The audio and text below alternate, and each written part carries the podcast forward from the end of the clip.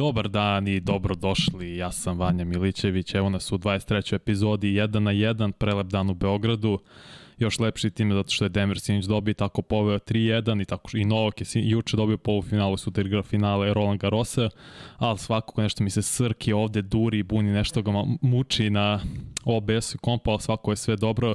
Kao što sam rekao, dobrodošli ljudi, nadam se da ste dobro, da uživate u ovom jednom lepom danu lepa jedna subota i evo nas ponovo, kao što rekao u 23. epizodi, jedan na jedan miksa je tu, uključit će se, sada sve lepo funkcioniše, on me sve vreme čuje, prošli put je bio zapravo bug u tome da je izabran pogrešan mikrofon za Zoom, pa zato on nije čuo. Tu.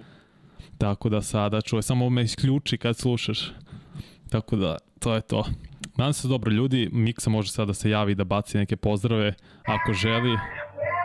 Ćao svima ljudi, kako ste? Ste mi dobri? Nadam se da ste dobri kao što smo mi. I evo, ajde da popričamo malo o tome, inače, ovaj, izgoreo sam jutros, jer ovde tekmo počelo u pola šest, ja inače u šest ustajem. Kad sam plažni čovek, da budem prvi na plaži, kao Miš Buchanan, čuvar plaže, i brate, secka stream, znači, izgoreo sam.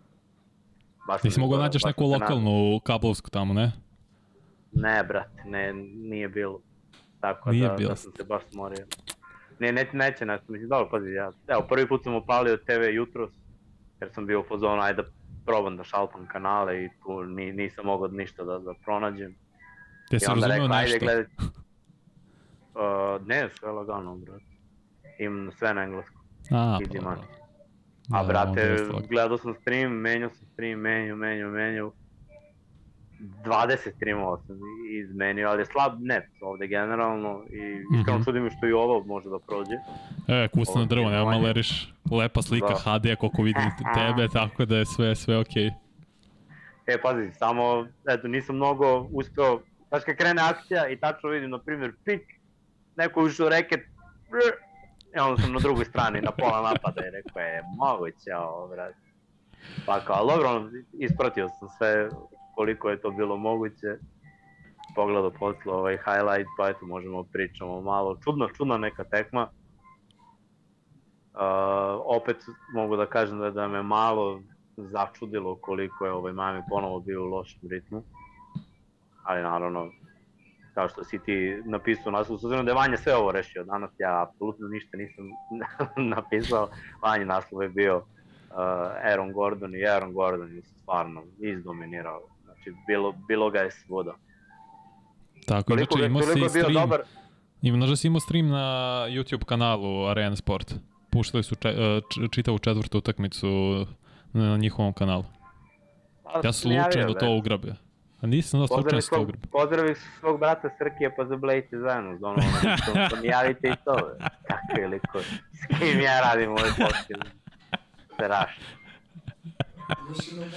Znači čovjek još na moru i ten lepo dobio, malo, malo preplano, malo više, malo više nego što treba, ali dobro, to le, rešit će se to. Brate, ja sam, ja sam najbolji u, u celoj grupi, da ti kažem samo, Anđela je ma, mazala se, ovaj, svi se maš svi pogoreli, jer su nas bili na ronjenju i mislim, uh. štrče ti glava, a ovo je ekvator i sunce je baš brutalno, evo možete se mažeš koliko ćeš, a meni je teme, brate izgorao. Znači, verovatno neću imati facijalne ekspresije u ovom uh, podcastu, ali dok mogu da se smejem, dobro je.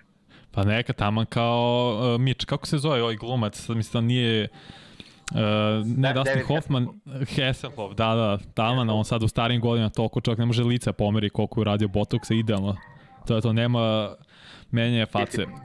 Ti si čuvar naše plaže kad se dave tebe traži. Ostavi se Miča, a on je matrčica. O, carski, carski. Kako se tebi svidalo tekmo, brate?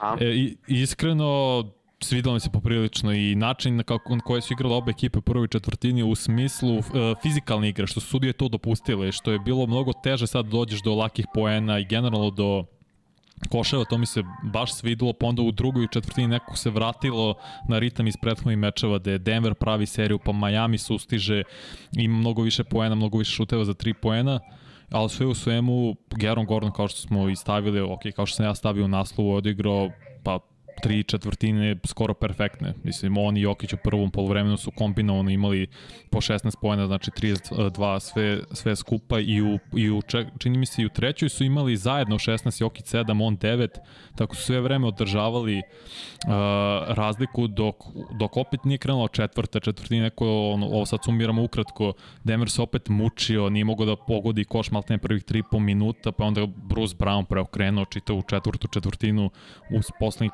5,5 minuta dao 11 poena čovjek. Neko, on i Gordon su mi bili ključni faktori pre svega zato što se Jokić je mučio sa faulovima, Mare imao loš šut iz igrala, imao čovjek 12 asistencija bez jedne izgubljene lopte i generalno mnogo bolja kretnja Denvera i bolja želja u napadu, gledam i ka Michael Porter Jr. koji je imao 3-4 utrčavanja, igrao je sa dobrom željom, ne ide ga šut, očigledno je izgubio samo puzdanje, ali se kretao bolje, bio je aktivniji u odbrani, sve u svemu kompletnije igra Denvera, s druge strane Miami se mučio, imao je 15 izgubljenih lopti, nedisciplinovani su bili odbrani i frustrirani iz neki moment, mislim Vincent i Strus kombinovani backcourt imao dva poena, što je neprihvatljivo, no. ali ono, doćemo e, pa ima, do toga. Da, ima mm -hmm. tu, pa, pa možemo ono lagano da, da odmotavamo ovaj, što, što se tiče tekme, pazi, u jednom trenutku razmišljam kako je bilo prethodno. I ovaj, što se skokova tiče, Denver je bio dominantni i to mnogo. Što se Tako tiče je. poene iz reketa, bilo je duplo više.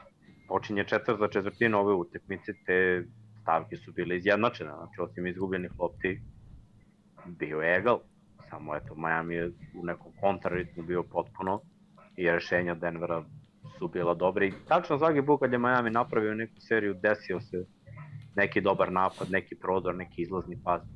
Ja se sjećam, znači mi je delovalo u jednom trenutku, aj vreme da kažemo da je bilo egal, ali posle toga Jamal Murray ulazi u reket, znači ono lomi se tekmo, on izbacuje pas u levi korner, Jeff Green cepu mrežicu. U tom da, trenutku da. sam bio po zonu, brate, Bruce Brown pogađa trojku, Jeff Green pogađa, Gordon ima svoju tekmu. Znači, ovo je jedno od onih kada Jokić ne mora da bude 100%, u -hmm. igri 48 minuta, ali imaju šanse da, da reše ovo.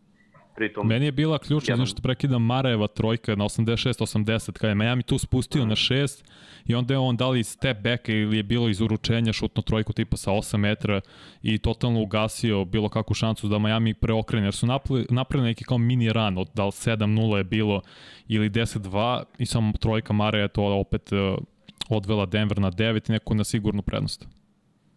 Da, i, i kada pogledaš onako malo statistički kako se kretao rezultat po četvrtinama, bilo je promenljivo i sad nemam problem što Denver malo popusti u odbrani kada je, i Miami popusti u odbrani, pa kad bude u tipa, kad prime 30 pojena, ali daju 35. Mm -hmm. Ali opet bi postala četvrtina gde su oni odradili defanzivno posao, a dali preko 30 pojena i tu napravili razliku i stvarno kada, e, kada Denver igra sa dobrom energijom, sa, sa mnogo zalaganja, kada svi daju doprinos. Nisu kao Boston. Boston će pred ispusti. Miami voli te serije. Boston je ispuštao prednosti od 10 poena. Denver da, da. je ispustio jednu takvu utakmicu. Ali ovo ostalo, tokom čitavog play-offa i u zapadu kako su uspevali da zadrže prednost, mislim da, da, da su zaslužili da završe seriju kod kuće i dobili su tu šansu. Miami ove godine rekli smo da za njih domaći teren nije toliki faktor koliko je za Denver, pošto su izgubili samo jednu mm -hmm. kuće. Miami u ove dve tekme bleda, bleda senko one ekipe koje smo gledali u utakmici broj 2 velikog finala. I pa ovaj, iskreno, baš pričam, mm -hmm. ovde, pričam ovde sa nekim ljudima koji ono isto, prosto gledalo ovde, na, na mučno, ali se gledalo. Inače, mogu sam da gledam avion u retard, nisam našao kanale, znaš, yeah, da je bio neki sports live, nego sam ja pustio video tenis i futbol i rekao, ma deo bi prenose. Još je bilo ono, turska, turski ovaj. Ja rekao, ajde, nema toga ništa. A na nekom od onih je, je bio Jokar. Tako da sam isto glupo avionu. Ali svi ljudi, znaš, su bili u fazonu čoveče, zato smo priželjkivali Miami i bolje što je Miami, a nije Boston, ono što smo ti i ja pričali. I iskreno, sad kad je 3-1, mogu da kažem, dobro smo izabrali. Ako, ako su naše ovaj, želje i molitve imale neki uticaj na potencijalni matchup u finalu, onda smo dobro izabrali za Denver. Ne, odlično smo izabrali i što se tiče tima Miami, možemo i od njih da krenemo, pošto su izgubili. Oni u poslednjih osam mečeva su izgubili šest, od kad su poveli 3-0 protiv Bostona i delo mi da je tada usledio neka vrsta prosto umora i istrpljenja i fizičkog i mentalnog od strane Miami Heat da su oni došli do svoje neke granice jer su oni u ovom play-offu sedam puta preokrenuli razliku od 10 ili više pojena i pobedili, što ja mislim da je novi NBA rekord što se tiče play-offa i deluju mi prosto istrpljeno, da nema te energije, nema tog sigurnog šuta za 3 pojena, sinoć mi samo 8 trojki pogodili, da li iz 25 ili 26 pokušaja, mm. provjerit ću kasnije, Strus u čitavom o, finalu ga nema, Gabe Vincent je i u ovom i u prethodnom meču ulazio rano u probleme sa faulom, već sredinom druge četvrtine imao tri faula, neka čak i glupa, ali Jimmy Butler nikako da pronađe svoj ritam da će ubaciti 35 plus poena, aj tako da kažem, nešto između 35 i 40 Adebayo, dosta, stiže do svojih poena, ali sve to šut ispod 50%. I sad je isto bilo 8 od 19 iz igre. Imao on 11 skokova, 3 asistencije, sve to ok, dođe do 20 poena, ali loš šut, loš procenat iz igre i opet sa klupe, U prvom polovremenu Kyle Lowry je bio sjajan, mislim da je on bio najbolji igrač u prvom polovremenu Miami imao je 13 poena, u drugom polovremenu je totalno stao, Caleb Martin se malo video da imao 11 poena, Duncan Robinson isto imao 12 i to je ok, doprema sa klupe 36 poena, ali sve nekako u praznim momentima utakmice, nikako kad se lomilo nije, mogo, nije imao Miami to u sebi da prelomi meč u svoju korist, jer je Denver u drugoj četvrtini kad je Miami im napravio čini se neku mini prednost, Aaron Gordon je odgovorio sa 8 poena za redom. I tu je krenula da. onda njegova serija gde je postigo 15 u drugoj četvrtini. Ne, njegova utakmica je bila majstorna. I vidi sad ovo da ljudi pišu da je on drugi najbolji igrač Denvera jer je on konstantan. Mislim, nije Jamal Murray je opasan igrač, ali uh, u ovoj seriji, definitivno u ovoj seriji, pa možda i u prethodnoj protiv Lakersa, ono što smo pričali, mm -hmm. Gordon ima, znaš, samo treba bude agresivan, ima mismatch, on je ozbiljan atleta, viđali smo ga u takmičenjima dva puta u zakucavanjima, nestvarne stvari dečko radi. Znači ima sve fizičke predispozicije da završi kako god hoćeš kad se odrazi. Izgradio je dosta šut u Orlandu kad je bio, tu se dosta popravio, videlo se da neće da bude ono samo lik koji zakucava, već je malo napredio svoju igru. Ali lepo je sinoć šutirao, tako je, baš i sa, sa samopouznanjem uzimo te šuteve.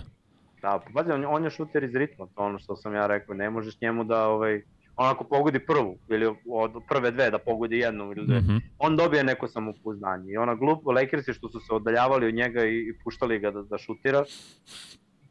To je zato što je on bio malo nesiguran da uzme te šuteve. Isto. Znači, sa takvim, ta, takvi igrači kad su u pitanju ti kao glavni igrač kao na primjer Jokić, da mu kažeš brate šut, ti ako si sam, bolje ti šutni nego mi preko ruke da šutnem. Znači, Kako god si sam, treba da uzme šut i to je inteligentno, tako se igra košarka. Znači, svi su to, sve su to profesionalci, svi oni treniraju, svi oni vežbaju, svi imaju te ovaj, šuterske treninge, gde čak i, i neko ko ima, lupam, 20% šuta u sezoni za 3 poena, vezuje sigurno po 10-15 na treningu.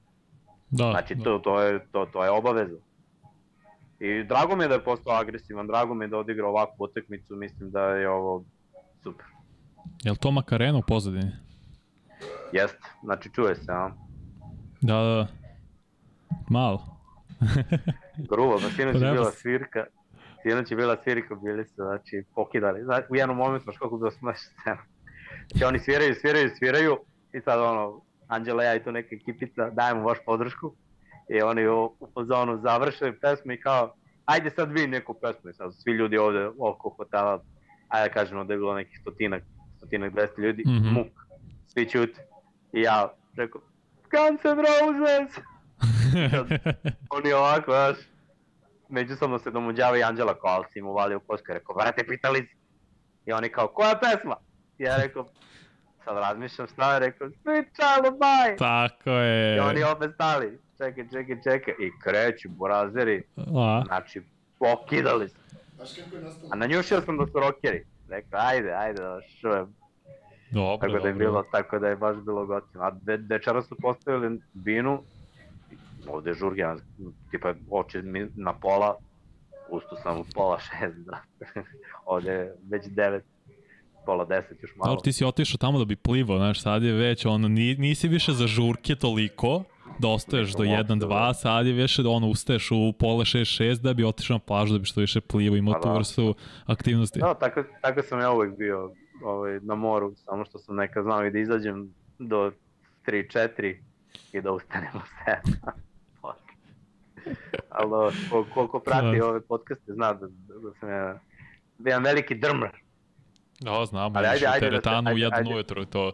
Da, da se vratimo, vratimo na Gordona. Nekako mi deluje Gordon da se pronašao, od kad je došao u Denver, u idealnu situaciju, jer je u Orlandu prvih 7 godina, mislim da je čak pet trenera promenio. Niko da se da pronađu sistem za njega gde će najbolje da odgovara njegovom košarkaškoj veštini skill setu, da, bu, da, čo, da bude čovjek ko će da utrčava, da pravi prodore, ne nužno da ga koriste kao šuter ili čak i van linije za 3 poena, toliko već da pronađu tu oko reketa šta on sve može najbolje da iskoristi i u odbrani odbrani, da koristi svoje fizičke predispozicije. Sviđa mi se što je nekoliko puta tako lepo stao u stav da igra odbranu i želi taj izazov da čuva najboljeg spoljašnjeg igrača, nekad je čak i par puta uzao Adebaja kad je Jokić imao probleme sa faulovima i taj aspekt Aaron Gordona mi se izuzetno sviđa i to dosta poštujem, to što želi da čuva najbolje igrače protivni, protivničkog tima i ima uspeha iz, kroz čitav playoff oni loš imaju, dođu do svojih poena, ali uz loš eh, procenat šuta iz igre.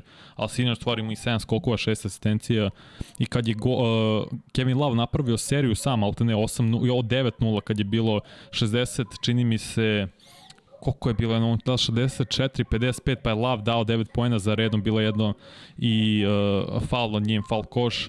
Gordon je odgovorio svojim poenima i tako konstantno držao prednost Denvera i opet Denver u trećoj četvrtini zapravo lomi Miami kao što je uradio u trećem meču. Oduševio me, bro. Oduševio. Ono stvar, nije on imao s kim da igra pre. Da bi, mogao, da bi njegova igra mogla da evoluira, da, da postane ovo što jeste. Pazi, on je sad veteran, igrao je u lošim mm -hmm. ekipama. Ti kad igraš u lošim ekipama i dođeš u jednu dobru, da, da vidiš da je ono, dobra energija, Rekao je on to u jednom intervju. Sam dolazak njegov u Denver, gde, gde igrači, gde Jokić pre svega, igra inteligentno, da će uvek da napravi pravi potez, gde igrači većinom razmišljaju pre nego što urade bilo šta, gde ima šansu da, da se takmičiš, gde je prošle godine nisu radili mnogo play-offu, ali prošle godine su imali pehove, bile su to povrede, a opet su u toku regularnog dela sezona u jednom trenutku bili najbolji, ja mislim, tim u karijeri Erona Gordona po broju pobeda. Tako da je on mm -hmm. skapirao da je na pravom mestu, skapirao je okruženje, kako može da egzistira u tom okruženju, kako može da uzme svoje šuteve, kako može da bude produktivan, kako može da se istekne, znaš, njegova želja da igra u ovakvim momentima peticu, a on je realno četvorka, kao što je, on je čak malo, ja mislim, i tu je negde koja Adebayo, ajde da kažem, ali ta njegova želja, ta njegova volja, to njegovo zalaganje, to je baš to je baš timski igrač. Pritom uvek je spreman da, da igra odbranu na najboljem igraču. To je isto velika stvar. Dosta se ti trošiš, to možda ne deluje tako, ali ceo taj pritisak i to što moraš da pratiš najboljeg igrača, da, da igraš protiv njega, da pomažeš, on je uvek u reketu kada treba da se pomogne, uvek skuplja skokove. To, to sve troši i zbog toga nekad ne može ofenzivno da doprinese, ali na ovoj utakmici bukvalno reši. Samo me zanima pošto je ovaj, sve išlo. Miami no. ništa nije išlo. Da li će Miami da, znaš ono, nije mi realno da u pet tekmi njih ide šut jednu tekmu. Zanima me da li Denver može da ih dobije, jer ona kad ih išao šut dobili su tri razlike samo. Tako je. Da li Denver može da ih reši ako ih ide šut? To je u stvari jedina Dobro. dilema koju ja imam. Da šta je bilo na tom meču? Na tom meču Denvera nije išao šut. Nagici ništa nisu mogli pogoditi za tri poena na tom meču. Ali Denver je dobio i kad ih ne ideš, znaš. A Miami Istina. nije. Tako je, tako je. Zato i kažem, uh, taj meč Denveru nije išlo, Majamiju jeste i opet je Miami dobio tesno. Mislim da možda ih neće limitirati kao sinoć na samo 8 trojki iz koliko već pokušaje 25 ili 26, sad ću tačno da ti kažem, iz 25 pokušaje 32% iz igra, ali problem je što su oni generalno imali loš šut iz igra, to je 35 od 78. 44,5% za Miami. Ni, do, imali su oni poene iz reketa ovaj put, to si spomenuo, mislim da su imali 46 poena iz reketa i čak su imali više iz skokova, ali njiho, uh, konstantna sa linije za 3 poena nije postojala i poeni Vincenta i Strusa su glavni problem. I zato sam ispomenuo nakon prvog meča, Strusa bi stavio na klupu i onda bi ubacio Caleb Martina da bude ta malo viša petorka, I ako Hero može da igra peti meč, možda će to biti ključna neka nova energija, jer Strus očigledno, sem ono drugi utakmice, mislim da je uh, možda i malo u treći doprineo, ne vidi Prvo, se u ovom finalima. Sa, Jeste, imao je 12 pojena u prvoj četvrtini. A posle imao 4 od 10, znaš, to je ni to nije savršen šut kako je krenuo, mislim, krenuo je vrhunski. Nije, ali ne bolje ništa nego ništa. Oni, da, oni traže, pokušavaju na sve moguće načine da, da pronađu neki ritam, ali kao da su dali sve što su imali protiv Bostona da uopšte uđu u ovo finale, sitniji su, to je ono zašto smo ih mi preželjkivali protiv Denvera, mm -hmm. jer, znaš, imaš mi smeč gotovo, nema, Miami nema tu četvorku koja je dovoljno dobro atletski i, i dovoljno krupna za Gordona, nije niko ne može da bude petica koja je dovoljno inteligentna i jaka za Jokića, Mare je viši od svakog pleja, znači oni, od, od samog starta ti od keca imaš višeg igrača. I, i pazi opet, ona petorka kad uđe Jeff Green, Jeff Green isto atleta i dug i visok mm i on je sposoban isto da, da čuva uh, takođe Michael Porter Jr. duge ruke, visok KCP, Bruce Brown, duge ruke, dobra pokretljivost nogu. Ako uđe Christian Brown, on se trudi mnogo više od ovih svih drugih, pa ajde kao, ali nije ni on izak, mislim i on je visok. Tako da ta veličina, mislim da ona pravi najviše problema za, za Miami. I samo tako budeš disciplinovan, ti si tu negde na šutu. Tu negde na šutu nije isto kao oni otvoreni šutevi Majamija, a bilo tako ih je deset u drugoj takmici. U principu samo to je trebalo. Ma da, to je bilo ključno za, okay za drugu utakmicu, ali evo šta fali tačno Majamiju. Koliko god da njihove ti nedraftovani igrači možda u nekim timovima bi bili, ne znam, osma, deveta opcija, nevažno je, imaju svoj limit, svoju granicu i došli su do toga. Oni ne mogu preko ovoga. Vincent je stvarno bio fenomenalno u prve dve utakmice, ali očigledno nema, nema to u sebi da odigra 3, 4, 5 utakmica za redom, da postiže minimalno 15 pojena. Isto važi za Caleb Martina koji je u finalu istoka beležio skoro 20 pojena došli su do svog limita i tu Miami fali neki igrač kao što je Hero, koji konstantno ima 20 poena, koji može da proizvede napad za sebe i da stvori iz pika sebi šut, iz driblinga sebi šut, da stvara šuteve s drugi, da pogodi na konstantnijem nivou nego što su Vincent, Strus i Kele Martin. Ovo je sve lepa priča za njih trojicu i za Duncan Robinson, naravno koji ubacio novi element svoje igre i razigrava druge i čak iz finta šute probija do kraja što mi je bilo neverovatno, to samo pokazuje da čovek radi na svojoj igri, da je napredovao, ali nemaju taj faktor da budu zvezde kad je presudno da uzimaju neke šutevi pogađaju prosto je to samo je Jimmy Butler koji nema konstantan šut za 3 poena, sve ostalo je na jednom vrhunskom nivou ali im fali baš taj igrač koji kada ovako nikome ne ide, kao što Denver ima Jamal Mareja, kad mu i njemu ne ide, pa opet pogađa šuteve na jednom vrlo visokom nivou i vrlo teške šuteve, to Miami prosto nema čitav ovaj playoff. Pogotovo se sad to vidi protiv Denvera. Pazi, ima tu i još jedna stvar. Ajde da kažemo, Miami je bio u velikom finalu, ali koliko ovih momaka je igralo iz Miami u velikom pa, finalu. Sad ću ti kažem, Jimmy Butler Adebayo, igrao, Butler. Adebayo, Robinson, Uh, uh, uh, i samo mislim, mislim da je bio... Kevin Love i Lauri su igrali druge playoff utakmice. Tako ali je, tako je, ostatak, tako je. Ostatak ove ekipe, znaš, I naravno Hero isto bio. Smo, da, ali Hero ne igra ovu seriju. Tako je, zašto tako smo se mi, zašto smo mi sumnjali u Denver ove godine u playoff? Zato što kagod je bilo bitno, kagod se lomilo, kagod je bila frka, Denver je zakazao. Možda je sve to i, i zbog nekog neiskustva, možda je to, možda nisu shvatili tad, ti kao mladi igrač, pričao sam o tome, redko kada shvatiš da te prilike su jedinstvene i redko, mm -hmm. da igraš u play da ono, daš 100%, da se posvediš, da oformiš dobru timsku energiju. Mislim da ove obe ekipe imaju dobru timsku energiju.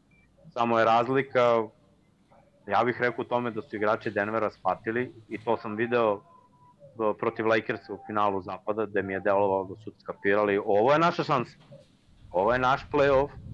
Tako Imamo je. prednost u odnosu na ekipu sa zapada, Lakerse protiv kojih igramo i vrlo verovatno da imamo prednost protiv ekipe koja dolazi sa istoka, koja god ekipa došla sa istoka, ako budemo igrali našu igru, ako ih uvučemo u naš ritam. Denver je uvuku Miami u ovoj utakmici, u njihov ritam. Miami šutira 35 trojki po utakmici. Sad su šutnuli manje, sad su šutnuli onako kako bi Denver šutirao, to između 20 i koliko je bilo, 28 na kraju. Mm -hmm.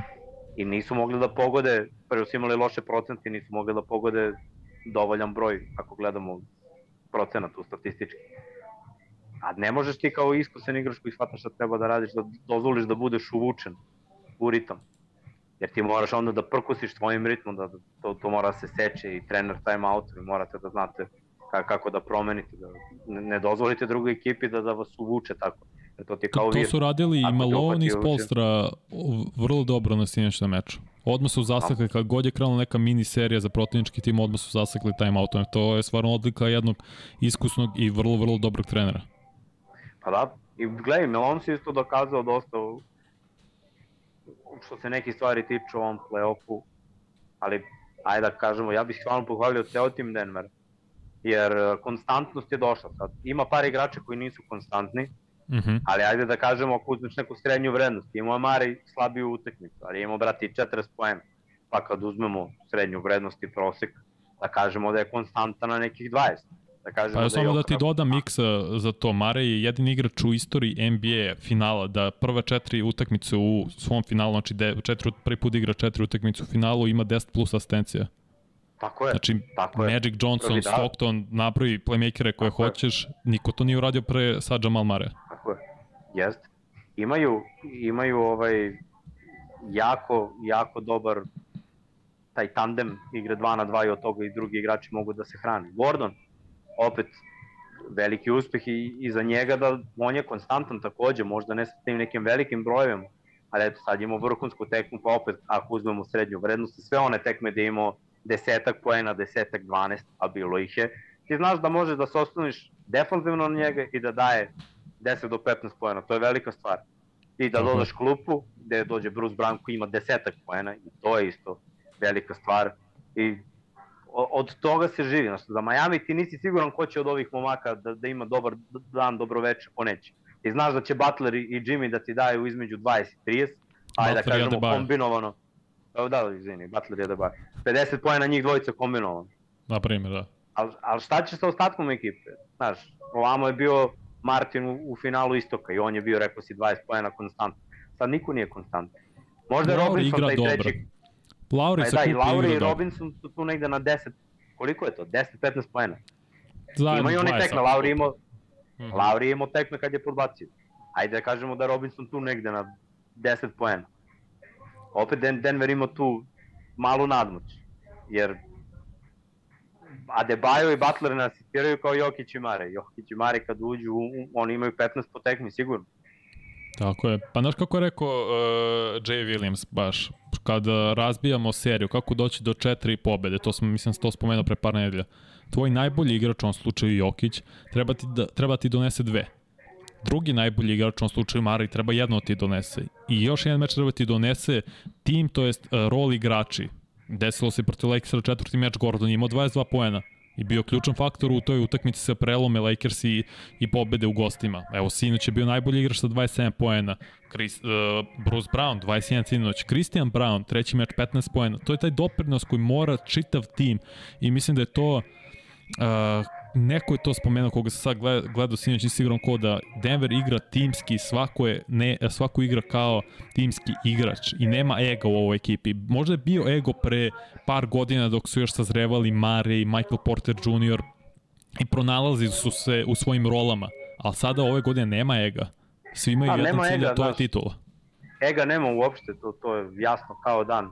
Ali ima nekih nerozonskih poteza, opet, to je možda u ovoj modernoj košarci i normalno. Ali opet napomenuo sam davno još kad je krenuo play-off da meni Denver kad igraju svoju igru igra najlepšu košarku u ovom play-off i da, da je vrlo verovatno da ako budu igrali svoju igru da niko ne može da im parira. Ne može, ne može. Ne može sigurno još par godina. Spomenuli smo prošli put. Gordon puni 28 godina, Jokić ima 28, Mari ima 26, Michael Porter Jr. puni 25 to je mlad da nekako, korpus. Da nekako održe ekipu na okupu i ovo, ako osvoje. Još dve, tri godine. Nadam se da hoće, ja neću da ureknem i da pričam, jeste 3-1, ali ako osvoje, a nadam se da hoće, sledeće godine, kad pogledam rostere, niko nije tu na zapadu nešto previše napravio, namunio, da bi mi on bio kandidat pre Denvera za sledeću godinu. To ne, znači da ne. ono, otvara se neka priča o potencijalnoj back-to-back pa dinastiji, jer su to, kao što si rekao, i mladi igrači. Žarkaški NBA standard. Oni mogu da igraju još, pa da kažemo, 4-5 godina na, na visokom nivou. Nešto ti se promenio glas bukvalno na 5 sekundi. Meni se glas zašto su mi crkle sluške, nisam ih stavio na punjač. A, nema veze, nema veze, Le, lepše ovako. Ćao sluške. Le, lepše ovako, lepše ovako. Evo, Srki se ovde brine da li neće muzika da utiče na YouTube, što se čuje malo pozadine, ali mislim, mislim samo da neće to previše tiho. Mislim da to previše tiho. Ali da se vratimo ostalim igračima, spomenuli smo da Jamal Murray stvarno izrastao u ovoj seriji kao pravi playmaker. Ja nisam očekivao da će on imati svaki meč preko 10 asistencija, nisam očekivao sinoć da će biti 12 asistencija, ni jedna izgubljena lopta. Samo Magic Johnson i čini mi se ni Patrick Reed, ali se čovjek preziva Reed 86, su imali više asistencija sa nula izgubljenih lopti u NBA finalu. Mari me oduševljava svojim odlukama kao pravi playmaker i kontrolisanom igrom. Nema toliko svrlja, e, švrljanja i uzimanja nekih nerezonskih šuteva kao što je bilo nekada. Stoji, da. Pa znaš da, skapirao je, mora razumeš kad je velika tekma.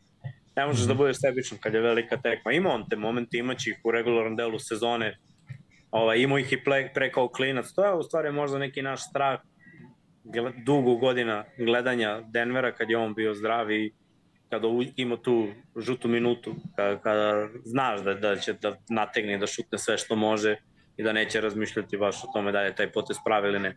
Ali njegovo sazrevanje, njegovo razumevanje uh, gde je mismatch u ovoj finalnoj seriji, u prethodnoj takođe, uh, njegova sigurnost da je on tu, brat, on je u Denveru i znaš, neće ga otpustiti, neće ga tradovati, nema šta da dokazuje, samo Tako treba da, da uradi ono što Joki stalno priča, ono, pustiš da igra, dođe tebi, pustiš da ti se pokaže na terenu šta je sledeći potrebno. Znači, ne moraš da, da budeš vidovit, da razmišljaš unapred, samo budi miran i gledaj i desit će se.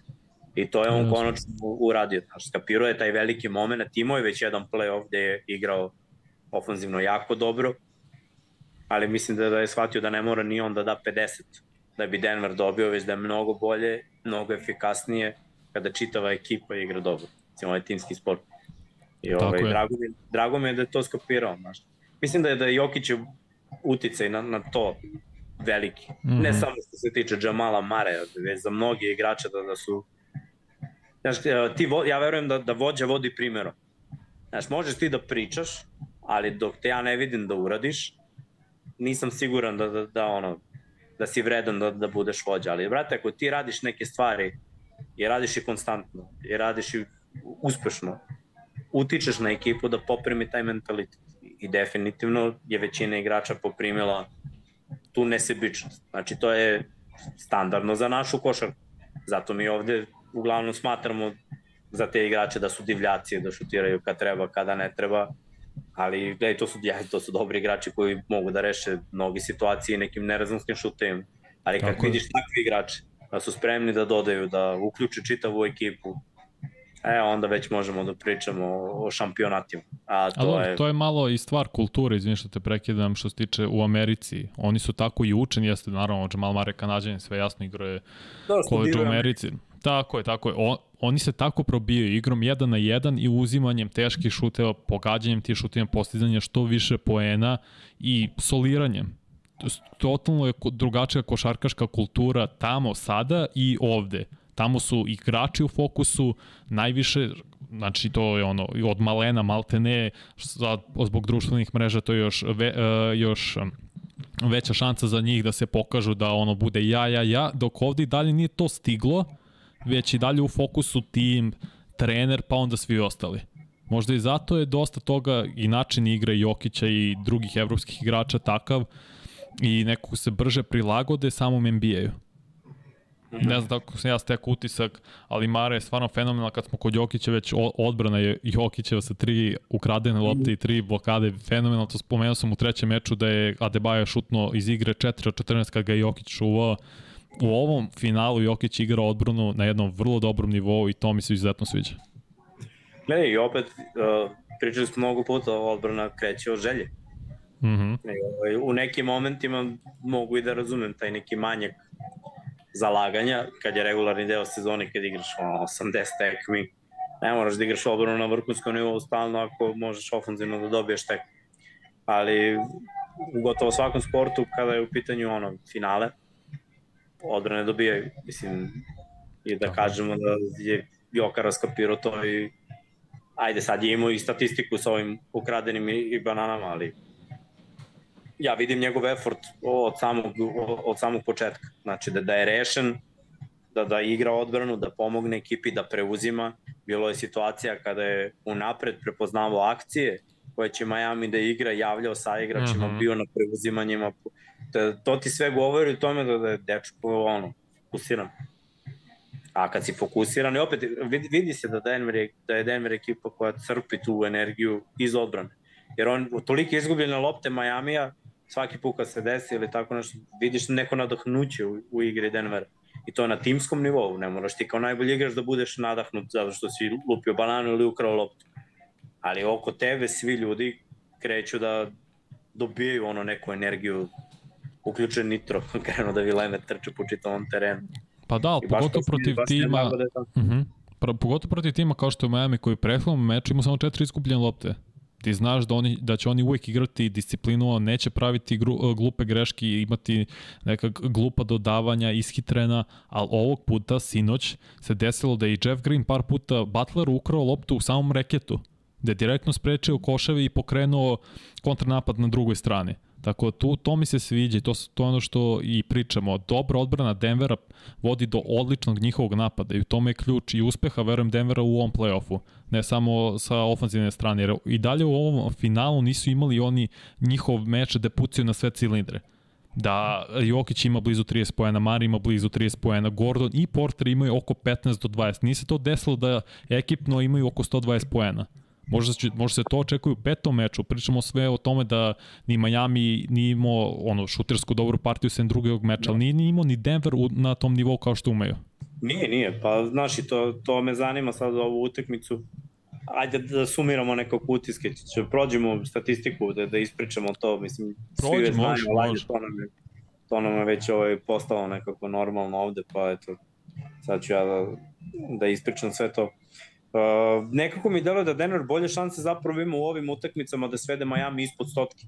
Jer to da, su tri puta sto desilo. Denver dobije. Naravno, kada sve krene, ko što si rekao, kad ide ono ko po loju, i tad mislim da Denver ima prednost, jer oni 130 mogu da daju kad hoćeš.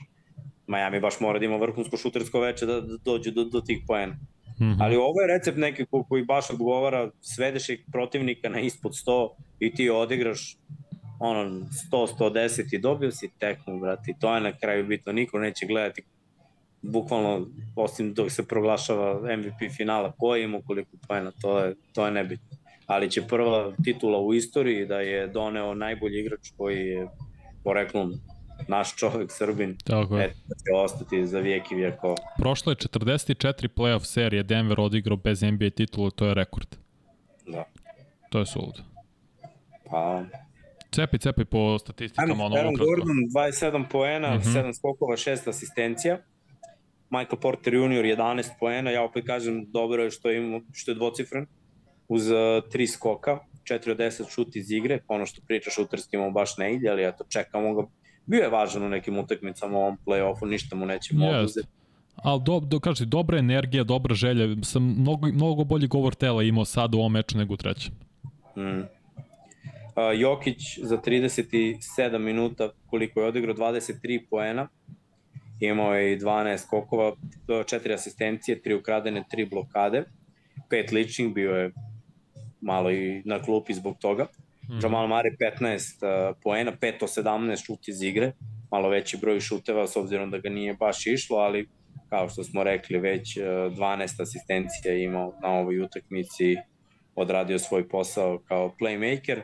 7 poena za Caldwella Popo, nije mnogo šutirao, 5 puta samo, 2 od 5 imao iz igre. Uh, 21 poen Brusa Browna koji je pogodio tri trojke i Bruce Brown, ja sam već rekao, to je brat moj stvarno njegova energija, pola sata igra u novoj utakmici, 8 od 11 šut iz, iz igre, stvarno je u nekim momentima čupao Denver koliko god da je mogao. 11 poena u poslednjih 5,5 minuta. Da. Brown. To je I ona trojka Jeffa Greena, to je, to je sve mhm. što je on doprene ofenzivno na ovoj utakmici, ali brate, ta trojka kao kiša posle suše, znači toliko je trebalo. I kako se stvorio samo u tom korneru, stegla lopta, buć! Uh, jedan poen za Cristiano Brown. Što se Miami-a tiče, najefikasniji Jimmy Butler sa 25, konstantan kao i uvek, 7 poena, 7 asistencije za njega. 20 poena Bema Debajo, 11 skokova, 3 asistencije, ali 7 izgubljenih lopti. Eto, to Tako. je onako baš uh, kontra neka i ako gledamo taj uh, koeficijent, Adebayo je imao minus 18. Mm -hmm. Tako da to nije dobro. Jimmy Butler imao minus 9. Uh, što se tiče koeficijenta u plusu, zapravo je samo Kyle Lowry imao koeficijent u plusu, imao je plus 3. Da, ima i, i Martin plus 1 isto, ali minimalno. Da. Da, bravo. Plus 1. Mart. Da. I nula je za Highsmitha koji nije ušao igru. ali ostalo sve negativno. Tako da ono, nije, nije, nije ni bilo šanse po mom nekom mišljenju. Prišli su par puta, ali bili odbijeni, to je bilo to. Ajde da kažemo klupa, Robinson 12 poena, 5 od 7 iz igre, 11 poena za Martina, 13 poena za Laurija, 12 poena Kevin Love koji je dao 3 trojke iz 5 pokušaja, 4 od 6 iz igre, 4 skoka. Lavi im je definitivno bio pogodak da, da bude u startnoj petorci i bolje deluju kad je on tu. Jasno. Samo što, eto, ostatak ekipe, ti kad Vincent ima 2 poena i Strus, znaš, startni tandem bekova 2 poena. U NBA finalu, ne može. Ne može. Ne može, to je razlog zašto Miami izgubi 1 10, njih dvojica kombinovano. Pogotovo od Vinceta to ne očekuješ koji je stvarno bio vrlo dobar prve dve utakmice iz nekog razloga, mislim iz nekog razloga staje i to mu je limit. To mu je prosto granica. S razlogom nije bio draftovan. Ne želim da... Pro, svi, mislim, ok, talenat je vrlo malo razlike između talenta u NBA-u, između pojedinih igrača i onaj koji ume da radi sa bilo kakvim talentom može da izvuče najbolje iz igrača. Samo mislim da je ovo njihov vrhunac. I Spolstra i Riley su radili sjajan posao, ali ti je potrebna neka još jedna super zvezda ili zvezda pored Jimmy Butlera, jer Butler dođe do svog limita. On povede toliko tim, istrpi se u prve dve serije, dve i po serije i protiv Bostona poslednjih četiri utakmice on nije bio na nekom nivou. Nije bio na onom nivou kao što znamo da bude 30 plus poena. Ali, brate, njemu treba konstantan šuter. I to, tu su možda izgubili, možda je Hero jedan od tih konstantnih šuteva koji, šutera koji fale. Mm -hmm. Jer ostatak ekipe, stvarno videli smo, mogu da pogode. Klupa je bila stvarno da sjajna da znači. To, to je u stvari problem. Ajde malo, ajde malo se bacimo ono u sledeću, tako. Šta kažeš? Pa ja mislim da stvarno, ako može jedan, Hero da igra, treba. Iskreno. Jedan poraz, jedan poraz za Denver kod kući, to od Miami u toj najboljoj šuterskoj partiji, njihovi sa 48% za 3 poena. Mm -hmm. Sad je već trenutak, pošto se ono čupaš, da dobro razmisliš, uh, izvučeš statistike ko je igrao kako, koliko Hero može da doprinese defanzivno, jer će to, to mora isto da se gleda, znači ako on daje trojke, a Blade u odbrani ga rešavaju, nije to dobro. dobro koliko Strus i Vincent doprinose defanzivno? Vincent doprinos koliko može, ali on dela pa mi Strus? da... Pa ne mogu da kažem da je loš, znači, mislim da je Hero tu najtonji. Mislim da je Hero tu defensivno najtanji. Mislim da su vrlo blizu, iskreno. Ne, ne, stvarno ne vidim neku razliku između Vincenta, Strusa i Hero što se tiče odbrobene strane, a makar znam ne, da Hero može konstantniji da bude. Ono što smo pričali prošli put, ja bi, ja bi mu sad dao minut, nema, nema dilema. Jer, uh mhm. -huh. znaš, razmišljali smo čije minute da uzmemo, sad znam čije bi minute uzao, bez, bez dilema. Tako, znači, pa na, oni su, Miami je suštini nije... skratio rotaciju sinoć. Mislim, Zeller igrao 4 minuta, ali to je malo ne bilo rotacija do 8 igrača. Jer su i Lauri, i Martin, i Robinson igrali preko 25 minuta. Sva trojica. O, da.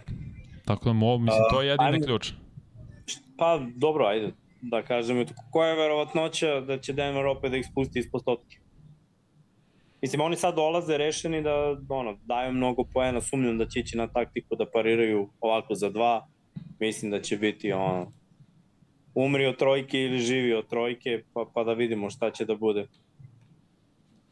Pa, znaš kako, nemaš šta da izgube. Sada cepaš, sada ideš punom snagom, mislim da će Butler pre svega nametnuti svoj neki ritam u prvoj četvrtini i gledat će da tu već bude dvocifren. Adebayo, ne znam koliko će ga u prvoj ispratiti, a verujem da će biti značajniji faktor u drugoj četvrtini i da će igrati, ako ne, čitav meč skoro. Jer mora da iskoristi on minute kada Jokić nije na terenu, da doprinese ofanzivno, jer onda tad može defanzivno da odmara. Jer je ovako kon, pod konstantnim pritiskom defanzivno i toliko se troši na Jokiću koji njegova kondicija je jedna od najboljih u NBA ligi, da to Adebayo fizički ne može da isprati a, a bit će mnogo teže u Denveru na onoj nadmorskoj visini. Pa da, ima i toga, a opet ima i pritiska koji dolazi jer gubiš. Dobro, oni su ta ekipa koja, da verujem da ono, taj scenariju ih pali malo. Ono, Sigur. gubimo 3-1, sad je to sve ili ništa, ali i Denver je mentalno jaka ekipa, mislim da oni moraju da shvate samo ovo se završava sad i odma, nema ono dopuštanja, nema pada koncentracije, samo jako i da, da se digne taj peh. Što bi bilo onako po mom nekom uh, razmišljanju od pre preambiciozno, ti kad si rekao očekujem 4-1, meni je bilo ovo, čekaj me, otkud tako, on, tako brzo. Ali ovaj, nakon što sam vidio ove tri utakmice i tu jednu koja je bila to malo slabija sa Denver, da vodiš 3-1 i da čekaš četvrtu, pe, četvrtu pobedu kod kuće to, u petoj mm -hmm. utakmici, ne, ne poklope se bre kockice uvek ovako i moram da ti priznam da mi je ono baš drago. I nadam se da ću nekako ovaj, da, da rešimo ono, taj internet i to, jer ono, želim da odgledam tekmu. Ovde je super to što, što se vremenski to poklapa lepo, znaš, ti ustaneš rano i gledaš tekmu, u principu možeš da se naspavaš ko nas u pola noći, onda si sutra ko zombi, a ovde ustaneš da, rano i pogledaš. Da, cilj je da se preselimo, kaže Srki, na Maldive, to, to, ništa, ništa više. Ne znam, za Denver mislim da je cilj da igraju konstantni, možda malo konstantni ofenzivno u smislu što tiče još bolji izbor šuta da Jokić ne ulazi u probleme s falima, ali nema šta da ih zameriš. Oni ako igraju svoju igru, timsku, kolektivnu igru, da svako doprinosi ofenzivno i defenzivno, Miami prosto nije dovoljno dobar tim da ih pobedi. Miami fali jedna zvezda, jedan back zvezda da bi se zaista borio za NBA titulu na jednom konstantnijem nivou. Mislim, ovo je stvarno impresivno što su tri od četiri godine u finalu konferencije dva puta igrali finale, ali mi smeč kad dođu do NBA finala jer nisu dovoljno dobar tim. Oni sve ovo što rade je uh, preko njihovih granica. Zato verujem da će baš Denver rešiti u petoj utakmici da se nećemo vraćati u Miami. Ko je MVP finala ako Denver dobi? Jokić. Nemam šta, najbolji koliko igrač. Je, koliko je procentualno, ko je drugi kandidat i koliko je procentualno, recimo, tvoje mišljenje? Pa, iskreno mislim da je 85% Jokić. Čovjek beleži 31 poen, skoro 13,5 skokova, 8 asistencija, jednu i po blokadu, ne, nemam šta da dodam. Mare je tu drugi, da ne kažem nekih 15%, jer je on beleži double-double u proseku u ovoj seriji sa asistencijama, to što radi je fenomenalno, ne znam sad tačno koliko beleži poena, sad ću to da vidim, pa nakon njega je definitivno Gordon, to su tri najbolji igrača Denvera u ovom finalu. Sad ću ti kažem tačno koliko Mari beleži u ovoj seriji u proseku. Znam za Jokića da sam jer to vidio jutros. Da, kaže Marko Simović da imaju kvote. Verujem da imaju, mene zanima vanjeno mišljenje nevezano za, za te kvote. Iskreno kad neko beleži triple double tokom čitavog play-offa je to malo je pao u dve utakmice mm -hmm. samo sa asistencijama u finalnoj seriji, ali to je i dalje sulud nivo. Nerealno ovo što on radi, bre, nerealno. I... Evo, Mare je 23 poena, 10 i asistencija, 6 skokova, mislim, to su da. sjajne brojke za prvi, za neko ko igra prvi put NBA finale, ali kad smo kod kvota i dalje važi kod 1 na 1 za Admiral Bet, tako da eto, verujem i da na Admiralu isto ime kvote ko će biti MVP finala. Ako niste registrovani, iskoristite kod za novo registrovane 1 na 1, dobijete 2000 dinara bonusa. Eto, idleano se uklopilo sad. Dobro. Tvoja prognoza je rešao Denver to? Pa da, ja sam i rekao pet utakmica će ovo biti, tako da očekujem ono si, petak na utorak. Mnogo toga si rekao, brate, rekao si da će Denver da bude u finalu. Tako je, Doduče, tako protiv Bostona, ali rekao si da će biti 4-1 i bravo. Ovo dobio si u ovom play-offu igru prognoza. laga, laga, ne, samo da se proslavi to lepo u utorak, onda ujutro ako osvoje i u podcastu, mislim, zaslužio. Stvarno, ovo je njihovo vreme i verujem da mogu da naprave neku mini dinastiju da će naredne dve godine, to je zapravo ako računamo ovu, ovo i još dve, da se bolje izrazim, biti ozbiljni konkurentni za NBA titulu. I možda će vezati, ne znam, kao Lakers i on 2008. 9. 10. tri finala za redom. Pistonci su isto to uradili 88. 89. 90. Da kao, ne da će biti kao Warriorsi, koliko je to bilo, šest finala u osam godina, ali što da ne bude da vežu u četiri godine tri finala, na primjer. Jer je nukleus tu a Zapad je sad pod velikim znakom pitanja šta će Phoenix, to smo pričali Clippers i Lakers i Golden State Warriors i Memphis u kojoj situaciji, koliko će biti suspendovan Morant i tako dalje tako bliže. Tako da je ovo idealna prilika za njih i idealan spoj imaju timski, bitno je da vrate Bruce Browna naravno i mislim da je titula od ove pa naredne dve godine jedini cilj za Nuggets. Da. E, no sad sam samo zaboravio da kažem što me inače uvek oduševljava. Mhm. Svaki put kada, kada Jokić primeti da je neko utrčavanje iza leđa i da vidi da je njegov saigrač kasni, ovaj, zašto što vidim sad ovu priču o deflectionima pa mi palo na pamet. Ovaj, Nogom reaguje. Njegov, ne, futbolski skill, ne samo da, deflection, da, pa to da. odradi posao legalno, nego koliko puta ima neko dodavanje koje bi prošlo kada on pruži nogu, pruži da, patiku, to je novih 14 sekunda, nije koš, brate. I ove godine on ima najviše tih šuteva u čitavom NBA-u. Šta više, broj neki sulud u odnosu na drugog lika koji je broj 2 po tim šutnutim loptama. Mislim, da li, igro, da... da li se bavio rukometom, to me zanima. To ste one kao rukometne odbrane. Ne verujem, ja nešto sam, sam gledao, mislim, ispravite me ljudi u četu ako ne znam, ne znam, isto. Da je ono, košarka bilo od malena, su braća starija igrala košarku, da mu je to bio prvi sport. Moguće, tako. moguće, moguće. Ali uh, opet, uh, ono, mm -hmm. vidio si mnogo puta kako se ono, igrači sa ovih prostora zezaju s loptom da pimpuju, nešto to mislim svi mi ovde znamo jer kad si mali ono, u Srbiji neizbežno je da šutiraš malo loptom, znači futbol je morao da prođe nekako, možda ti kasnije da se opredeliš za drugi sport i da ti ovo ne bude najvažnije, ali svako zna da šutne loptu, svako zna da pimpuje, ja znam Amerika su igrali s nama, pa su svi bili u fazonu, prate kako to znate, ano, znamo, vi ste se dobacivali jaja s tom loptom, a mi smo igrali ono školice, igrali na male guliće, pimpovali, je tako beše bilo za Viktorije, ko najmanje ispimpo ide na gol. Da, pa onda se pa kockice, to sam najviše volio da igram na dva dodira, to je bilo fenomenalno. To, to, da sam, to sam baš kidao. preko 50 šuteva više od sledeće koje godine, e to mi je bilo vrh, tako da sam Tako da sam to teo i eto, da sumiram utiske. E, čekaj, imam da ti pitam i dve Pit. stvari, prvo im ti kažem. Prvo Ajde. stvar, moraš da pozoveš ljude na lajkove, pošto si na Maldivima i sve, ja da udare like, subscribe, taj si lik, ta, to je tvoj, tvoj deo.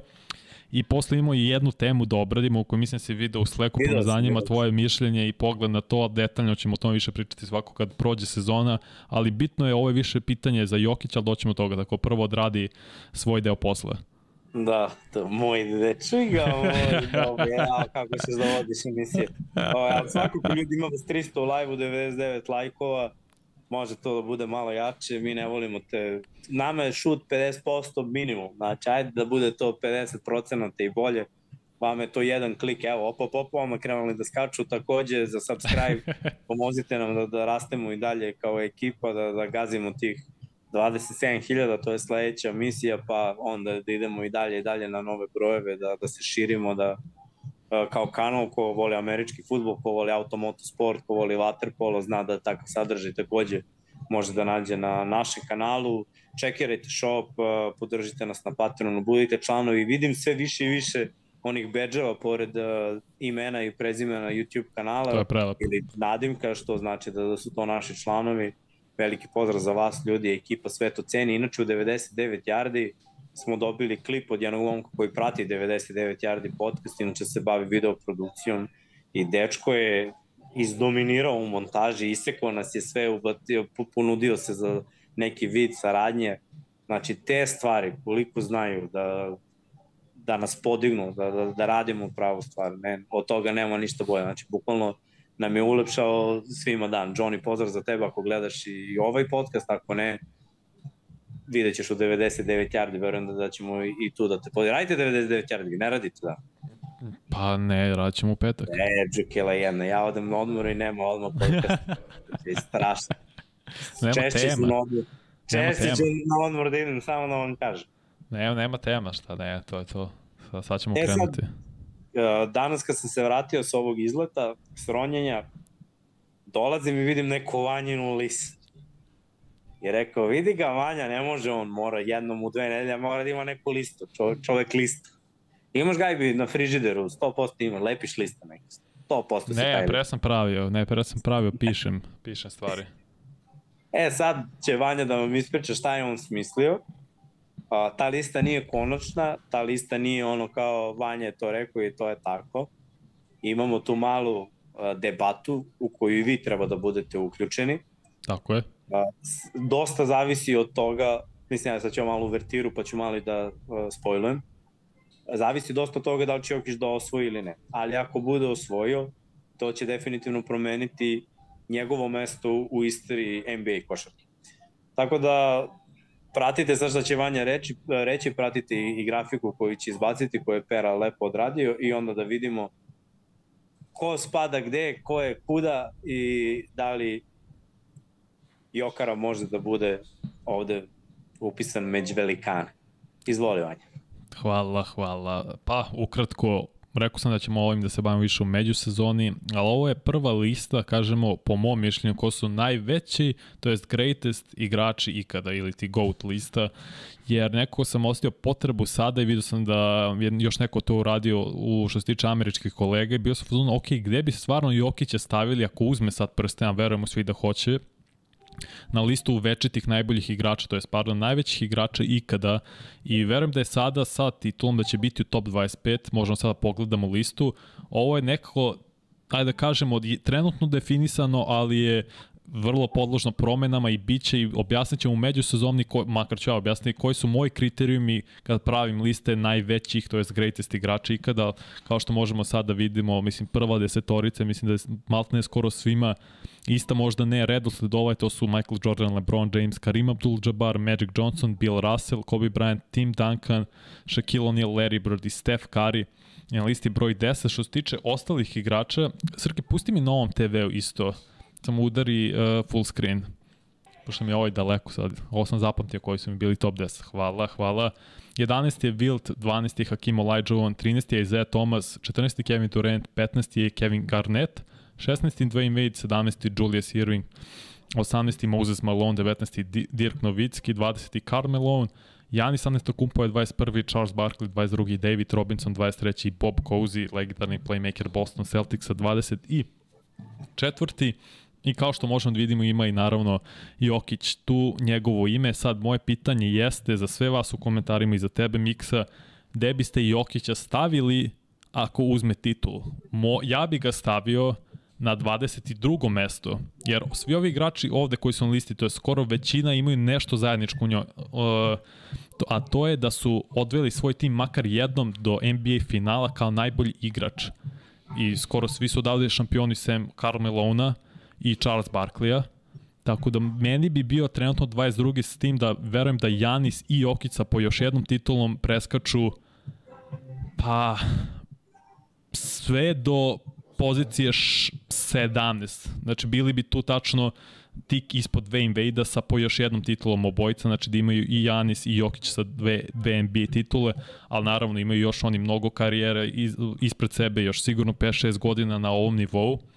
Tako da me baš zanima šta ljudi misle i gde bi ga stavili. Jer evo ako gledamo samo centre, ne mogu da ga stavim ispred Moses Melona sa titulom, zašto Moses Malone ima titulu, bio MVP tog finala, bio MVP lige tri puta, tako da iz tog aspekta i da ne nabrem koliko je puta bio i All-Star igrač i sve, stavio bi ga tačno iza Janisa na 22. mesto, što Janis isto ima titulu, isto je bio dvostruki MVP, ali samo što Janis je bio i defanzivni igrač godine i ali, malo je duže igrao. Ne triple double u sezoni. Nema, nema, nema. Da imaš triple double u sezoni, a je znaš koliko je redko da centar ima triple double. Evo, uzmi, vrati listu se. Vrati. Ajde, vidi ovde centri. Ko je imao 10 asistencija po teku? Hakim, ovo je Wilt, Wilt je vo, predvodio ligu asistencijama 68. Ajde, to je jedan. I to je jedan, to je ni, ni jedan drugi. Ali ovo, šta, ovo nije stvar uh, veštine i ne, najbolji. Ne, ovo su najveći razumem. igrači. Hoću da ti kažem koliko je ovo što radi na svakidašnji, koliko to pomera granice. Slažem Jer kao se. Centar, kao centar imati triple-double, to je ono nova dimenzija, ja razumeš? To je mm -hmm. nešto po čemu će sada mladi centri, tako će košarka evoluirati. Mladi centri sada koji uče skapiraće da nisu kompletni igrači, ako ne budu imali taj aspekt svoje igre. Znači, jer ti kao centar imaš uglove dodavanja koje mi kao niži igrači u košarci playmakeri, bekovi. Imaš ti dodavanje koje kao bek ne možeš, dođe ti viši igrač iznad tebe, ne, sa podignutim grupama, ti da spustiš loptu, to je rizik. Znaš, on može da je zakači, moraš ono no look, moraš da ga uhvatiš onako malo van ritma, pitanje je da li možeš da čušneš loptu i šta se dešava tamo iza, često, brate, se desi da ti ne vidiš iza. Centar koji spušta loptu dole, sve vidi. Centar koji digne ruke visoko, ako ima ovako prenos, njegov mm -hmm. taj ugao dodavanja je mnogo lakši. To je ono što smo pričali, a da povučemo malo paralelu, pa nizak potrebe, visok potrebe. Nizak potrebe ima ugao da, da doda svaku loptu. Nizak mora da ponekad improvizuje, da izađe, da, da ono, traži bukvalno minimalne rupe. I, i to, da, je nešto što će, to je nešto što će okrenuti košarku uh, malo više i taj njegov uticaj. Pazi, ti, ono što je Harden rekao, Janis je ubica, ja obožavam Janis. I ka, kao lika i kao košarkaš. Janis je ubica, ali ovo što radi Janis, može da radiš ako ti je Bog dao 2.10 i ovaj bogovski nerealni atletizam da trčiš, letiš, skačeš, da imaš ono, kontrolu, balans i da se ne povređuješ. A on je radio na tome, on se nije je, rodio ovako. Ali to je redko, to je redko. A ovo što radi Jokić je izvodljivije. Kao što sam uvek pričao da ono što radi Steph Curry, koliko god ono, bilo nerealno za običnog čoveka, izvodljivije da radiš to nego ovo što radi LeBron. Jer kao naravno. LeBron mora se roditi. Ako ste ne, Curry... Naravno, naravno, to je, ovo je sve... To je nešto što moraš da radiš na, na, na tome. Ti ne može, ja ne mogu da radim da budem 2.10 i da kucam. ne, ne, jasno mi je. To, ali opet, jo, Jokić je naj, jedan od najveštijih centara, možda i ofanziv najveštiji centar uz Hakim Olajuđovana. To, to, to sad stoji, to sad mogu e, slobodno da kažem o, najveći i najbolji igrač što pokušam ljudima da objasne to velika razlika između toga. Najbolji jeste sama košarkaška veština protiv koga si igrao, na kom nivou si igrao. A najveći to uveć ulazi i šta si osvojio, koliko puta si predvodio svoj tim i tako dalje i tako dalje. I ja Dobro. verujem da za 5-6 godina Jokić će mu baciti blizu top 10. Mi pričamo Gledaj, sad sa jednom titulom samo i zato sam stavio... Titulom, sa jednom titulom je bolji od Janisa. Zato što ja, mu nisu bile podeljene te nerealne karte ko, koje je dobio Janis. Janis je, brate, Greek, freak Greek god, de, dečko je s Olimpa, brate. Pa dobro, zašto bi Janisu uh, davao minus za nešto što je on radio ne na tome? Minus, ne daje mu minus. Uh, jedan veliki plus koji Jokić ima u odnosu na Janisa jeste to što uključuje saigrače više nego Janis. Janis dosta toga, glej, i to je veliki risk. A ovo je mnogo bolji defanzivno dosta je igrača na listi koji su morali mnogo toga da urade sami. I poseban respekt ide za to. Ali ja sam timski igrač i više bih voleo da igram sa nekim koji, ono, ko će ti dodati ako si sam po svaku cenu. Znaš, pre ne, ne, Janis ima jednu manu u svojoj igri, to je kad ne ide ostatak ekipe, Dobro. Janis ide silom kroz, kroz meso. Okay. Jokić to ne radi, on jeste defanzivno bolji od Jokića.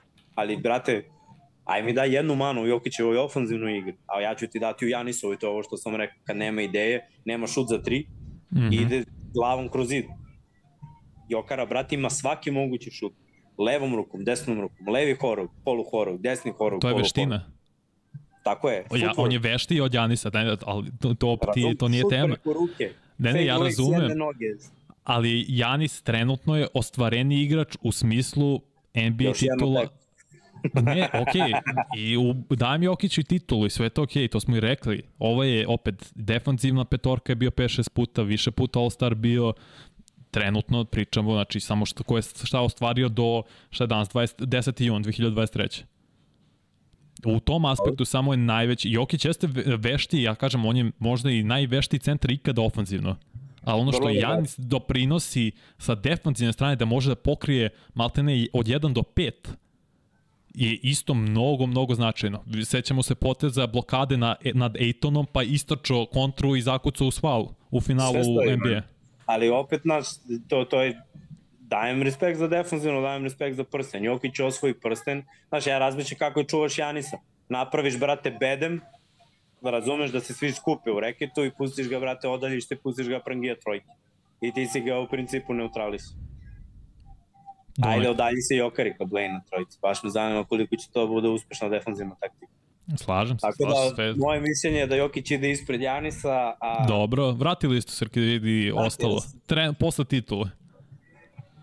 Znači ide na 21. Dobro, mesto po tebi. Ja opet ne volim, ne volim da poredim mere, ne volim da Znam, poredim znam. Da nečiji kraj karijere sa nečijom sredinom karijere. To isto nije fair. Znaš, jer ti kad uzmeš... Zato i kažem, to je samo trenutna stvar do ovog datuma. Pa mislim da gledaj ovako, koliko ovde ima, ajde pitanje, koliko ovde ima aktivnih igrača na ovoj tvojoj listi? Durant vidim da je jedan, Steph, Steph 2, Curry vidim da je LeBron. LeBron je treći. i to je to. Nema ni I jednak to, ni to, sem naravno znači, Janisa i 24 sad. Jokića. Tako je, od 24 igrača ti si stavio tri koji igraju sad. Znači, Pet, nije kako njihov- tri, četiri. Četiri, dobro, neki I pet. ja Jokića ako stavimo pet, tako je. Da kažemo i da je pet. Mhm. Znači, oni tek imaju mnogo, mnogo potencijala da ostvare. Samim tim, što je u istoriji NBA-a priča da je Jokić u top 25 svih vremena, to je već velika stvar. Da, to To hoću da skrenem pažnju. Velika stvar. Da, da, tako je. To, to je realna stvar. To je uopšte, to je realna stvar, nije to sada da mi, jer Zašto smo na listi odavde... nema Kavaja, pitaju. Pa zato što Kavaj ako je uzeo dve titule, dosta propušta. Do, propušta i same All-Star utakmice, nije izabran zato što ne igra dovoljno utakmice i sve mi razumem da je dva puta bio MVP uh, finala, nema MVP regularnog dela, regularnog dela sezone, prosto njegov rad i ono što je sve postigo nije dovoljan jer je propuštao toliko sezona, jednu celo je propustio maltene zbog povrede, zato što se povređuje, toliko propušta utakmice da nekad ga i ne, zabe, ne izaberu za All NBA tim jer, nema, jer ima nedovoljan broj utakmica. I to okay. je problem. John Havliček bi meni bio top 30 koji je igrao 60-70 jer je on i osvajao dva puta nakon Bill Russella i bio MVP ligi isto, igra poziciju uh, kri, krilno, small forward. Znaš, gledamo opet, po talentu, veštini Kavaja bolji sigurno. Druga era i sve, ali gledamo i u, ko je šta uspeo i ko je šta bio u svojoj eri. Nema isto Iverson, na primjer, vidim ljudi su pisali, nema titulu. Ima MVP nagradu, dodao je svoj tim do finala, ali po meni, kad pogledaš ove, mislim, meni je možda, ne, očekio sam da će ljudi više se uhvate za, za Eju Tomasa iz Detroita, koji je 13. A čovjek je tri puta vodio svoj tim do NBA finala, dva puta je osvojio, bio je MVP finala, 12 puta All-Star igrač, Znaš, bio je naj, pet puta za redom su igrali finale konferencije ti Pistonci. Oni su zaustavili Larrya i Celticse, oni su zaustavili Michael Jordana i, i Bullse. Znaš, ima to dosta, dosta je slojevito, to kad gledamo. Da, ljudi ovde piše, bilo je jedno pitanje da objasnimo da li ovo lista najuspešnijih ili, samo da vidim da scrollam, Uh -huh. uh, nije pitanje ni ko je bolje ni ko je uspešniji. Znači, Ne. Vanja je napravio kao listu ko su najveći igrači. Znači, ne najbolji, ne najuspešniji, nego jednostavno koja imena će ostati onako upamćena, znači ko je ostvaren, ko je promenio Mhm. igru, koji mu impact na košarku, sve to mora biti obuhvaćeno u to. I ovaj, ovo je Vanjena lista gde je on izvukao te igrače za koje smatra. Ima naravno tu dosta igrača koje možemo uzeti u obzir. Ovo nije Naravno. ono lista sveta, znači samo je jedan od primera. a, Evo, zato pišu za Barkleya sada. Barkley je bio MVP lige 90-ih kad je bila era najboljih centara i Jordana. Plus je odvojio svoj tim do finala. Plus je bio All-Star igrač koliko isto, 11-12 puta All-NBA igrač takođe. Barkley, a ovog što sad mi gledamo na TNT-u, je čista komedija. A on je bio ozbiljan igrač i ozbiljan skakač za svoju visinu. Bio brutalan igrač.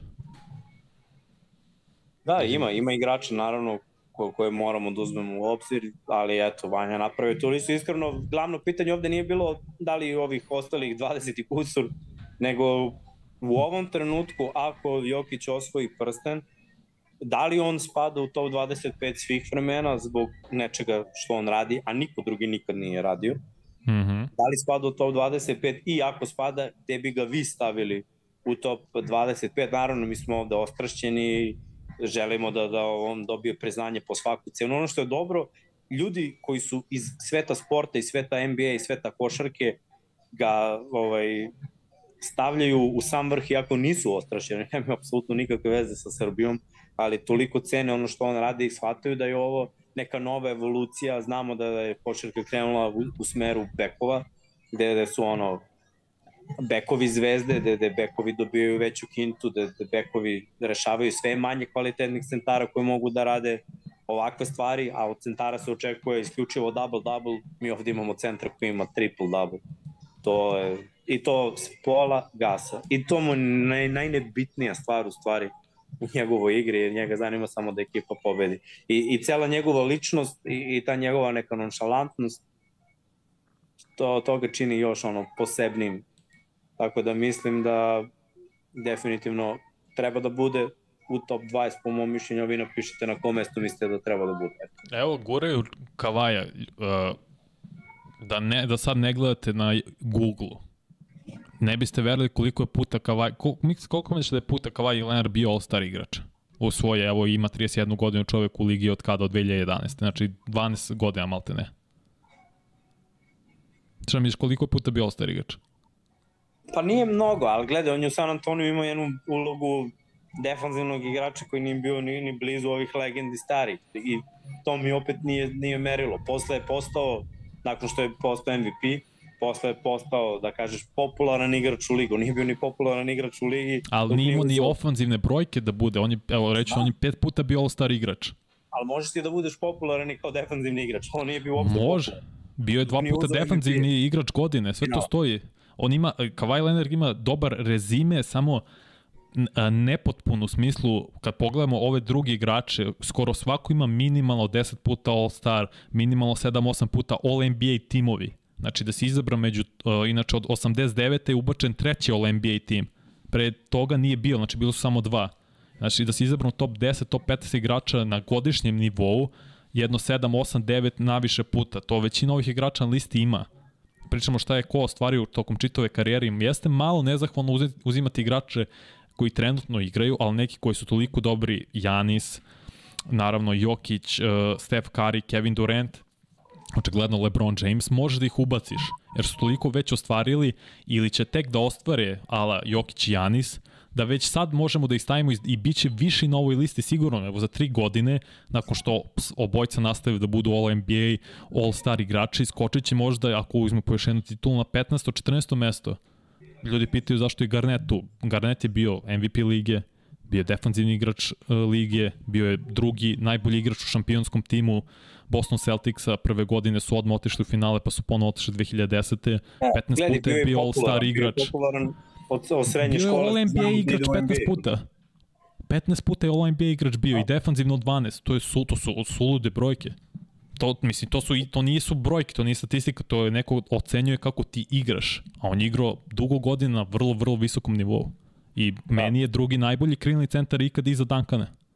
Jeste, ja gledaj, odmah da razjasnimo ljudima, All-Star je neki prestiž što budeš izabran, ali ne gledamo toliko to koliko All-NBA selekcije, jer tu se biraju najbolje petorke čitave ligi, to ne biraju, ne bira Raja, nego se stvarno biraju igrači koji su zaslužili te sezoni. Ako Tako si igrao dobro, nisi izabran, to samo znači da si pravio neka stranja i da zbog toga nisi izabran, ali ovaj, ostalo sve. Pitaju za Pipena, mislim da ono, Pipen treba da bude svrstan, jer Chicago... Ja ne, ne mogu da stavim zato što nikad nije bio na, najbolji igrač na šampionskom timu. Nije on, nije on odveo sam pa. svoj tim, bio je drugi najbolji igrač.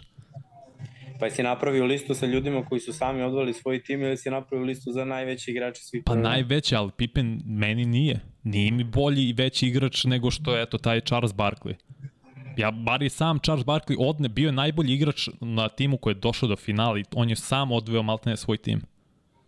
Mislim, znaš, ti znaš na što mislim tačno, na što konkretno aludiram. Kapiram, kapiram. To, Mislim, i Jerry West fali na listi. On je top 30 igrač, ovo je sad smo ovdje napravili 25 imena. To je vrlo tanka razlika između i Jerry West, ne znam, Jason Kidd, Clyde Drexler, Iverson, mogu i, mislim, eto, spomenuli smo Scottie Pippen, ne znam ko još fali, Patrick Ewing i tako dalje i tako bliže. Stvarno je tanka, tanka razlika. Samo su ipak ovo sve šampioni, u nekom momentu su bili najbolji igrači na timovima koji su ili osvajali titulu ili su ulazili u finale. U tome je razlika između Pipena koji kad je imao svoju priliku kad nakon što je otišao Jordan, te dve godine, godinu i po dana, Chicago Bullsi nisu došli do finala konferencija. Znaš, u tome, u tome je razlika. Zašto Pippen nije? I kad je otišao iz Bullsa u, tre, u Portland Trail Blazers. Da, da je bio mater, brate. To, to Jeste, ne... ali to mu je bila 12. 13. sezona. A evo sad viđamo Paul George ulazi u 14. Da. A dobro, ajde. Prihvatit ću ovo. Bitno je, bitno je da, da vidiš Jokaru to 25, znači nešto, smo do, nešto sam dobro uradio u ovom podcastu kad sam... Pa dobro, ja Ali dajem respekt kad se zasluži, mislim, nemam ja opet da. ljudi, naj, najbolji, najveći je velika razlika i to pokušavam da vam skrene pažnju. Jogić je naj, jedan od najboljih već sada i najveštijih centara ikada, možda i najveštiji centar ofanzivno, ako pogledamo istoriju NBA. Ali najveći to se dolazi i sa onim šta si uradio na terenu u smislu šta si osvojio, koji su ti dostignuća bila. U tome da. je samo razlika. Dobro, da, i koliko, mislim, koliko si imao individualnog uspeha i koliko si bio. Vidimo ovde pitanje da kao ni Garnet nije, kad je osvojio prsten dan, nije bio glavni igrač, ali Čauri, onoj mrtvoj Minnesota gde je bio jedini, naj, ono, ne jedini, ali ja kažemo najbolji igrač i toliko je bila ubedljiva razlika između njega i drugog igrača da je to bilo nerealno, ali da, ima tu, ima tu ovaj... Evo zašto Garneti to, Garneti doveo svoj tim do finala konferencije, ali on kad je od 99 realno, da kažemo, pošto Liga 95. 97. i 8. imao si sklopljen tim uh, Utah Jazza na zapadu, koji su u svojim prime bili Carmelo Stockton, ulazili u finale. Zatim ti je nasledila era uh, Tim Duncana i David Robinsona, San Antonio Sparsa i Kobe Bryant i Shaquille O'Neala u Lakersima. I to je trajalo sve do 2004. to je zapravo do 2007. na zapadu. Ti nisi mogao da prođeš San Antonio Sparse i Lakers tada jer nisi pre svega imao dovoljno dobar tim oko sebe. To tome je suština. Ja bio je MVP lige. Što opet znači nešto. Zato je otišao na istok. Pa da, da, to je otišao slabije i pokrenuo lavinu svih da. ovih formiranja super timova. Još jedan od razloga zašto poštujem Jokaru i ovu, ovu ekipu Denvera, i, jer e, zapravo Janisa generalno i Milwaukee, zato što nije bilo tih nekih velikih promena, igrači koji su dolazili su bili ono, rol igrači, ali opet moramo da kažemo da su glavne zvezde u ovim ekipama najzaslužnije za dolazak u, u veliko finale i nadamo se da će biti eto osvojena titula. A ja da ću moći pogledam tekmu bez uh, tehničkih smetnja. Što kaže uh, Cile? Ceo život mi prođe u nekim smetnjama. carski, carski. Uh, šta sam teo? Hoćeš da te da ostavim? Si na pitanje, pošto sam ja spreman da, pa, da pajki. Baš to teo da te, da te pitam, da te malo ostavimo da odmoriš, imao si dug dan što se tiče plivanja i ronjenja, pa bi trebalo ono da se naspavaš i, i spremaš za sutrašnji dan. Pazi ovo, brate, mi ulazimo i sada kao plivali na tom koralnom grebenu uh -huh. i mhm. hoćemo da idemo da nađemo kornjače u njihovom kao prirodnom staništu. I kaže ovaj brat, ima tu jedno 45 minuta plivanja. Ja rekao, ok, mislim, ja volim da plivam, nije mi to strašno. Gledam Anđelu pored mene, rekao, u jednom trenutku se samo zamislim, rekao, brate, kako će ona da izdrži ovo? Ona nije luda koja. I ovo, izdržala je do tamo. I tačno vidimo u jednom trenutku, on hoće, ali ne znaš, kad ti izdaje snaga, brate, plivali smo sigurno pa 45 minuta u jednom smeru. I ja je rekao, ovaj, ajde, hvati se za mene i idemo nazad. Uh, miksa trans, Znači, u jednom trenutku sam toliko pao sa energijom koliko sam bio istrpljen. Evo sada se gasim polako, ali sigurno. Ali, znaš šta, ovaj, ako ovi budu puštali ovde, ovde grmi muzika, mislim, ne znam koliko možete čujete ovde. Čujem, čujem. Ali, u sobi kao da, da mi je koncert, kao da sam ono drugi red od bine. To toliko grmi. Nadam se da, ovaj, a ja sam onaj bolesnik koji stavio ono na oči i sve je pogašeno u sobi. I skroz muki tišina. Tako da se nadam da oni završavaju do, do 10. Po vašem vremenu je sada pola 8. Ajde, dajem im još pola sata. A vas pozdravljam, ljudi, pišite, vidio sam u prošlom podcastu da ste ovaj, pisali, odgovarali smo na, na pitanje. Imate komentare uvek šta god vas zanima, pitajte ako imate neki predlog šta mi treba da radimo, pišite slobodno, mi ćemo to uvek čekirati jednostavno a, tako, takvi smo, to volimo i Vanja, bravo za prošli put, brate, što si izgurao solo, izgurat ćeš i sada. Da, lagan, malo da se vežbaš. Naučio sam od najboljih. Da. Ako hoćeš u komentatorske vode, mora malo se vežbaš da budeš solo, brate. mora, mora, mora. Ajde, veliki pozdrav. Posle, ja, brate, i za Srkija, vidim, ne vidim ga, ali Tu je Maša Teo, Maš, pozdrav, uživaj. Budite mi dobri. Uživaj, evo, pozdravlja tebe i Anđelu, pozdrav je puno. Uživajte, odmori, pa se čujemo, ono, nadam se, sa šampionskim prstenom iz Denvera u utorak. Oh yeah, oh yeah. Ajde, budite mi dobro. Ljudi, veliki pozdrav. Ajde, Ćao. uže. Eto, čuli smo i High Loa, to jest Mihajla Stefanovića, tako da ne, nećemo sad o KLS-u, vidio sam da je Zvezda rasturila FNP i da uopšte nije bilo blizu, ali kom, pišite sada, samo mogu se fokusiram na vaša pitanje, baš vezano za listu i možemo prođemo svakog igrača pojedinačno, zašto je tu, zašto je meni tu opet vrlo verovatno će se menjati ova lista kad budemo zaista ono ušli duboko u analizu tokom u međusezoni verovatno od sredine jula pa nadalje naredne tri nedelje kom je ideja da dva puta nedeljno ide podcast da bude po dve pozicije nedeljno zaključno sa uh, poslednjom nedeljom bude na primjer uh, top 10 centara ikada i onda poslednja epizoda bude vezan za najbolje to jest najveće igrače ikada. Tako da sada pišite a nemam animozite prema Jokiću, sa, opet, ja ga branim među američkim uh, kolegama, ali ga nekako gledam realnije ovde i ne držam ga toliko u nebesa i još.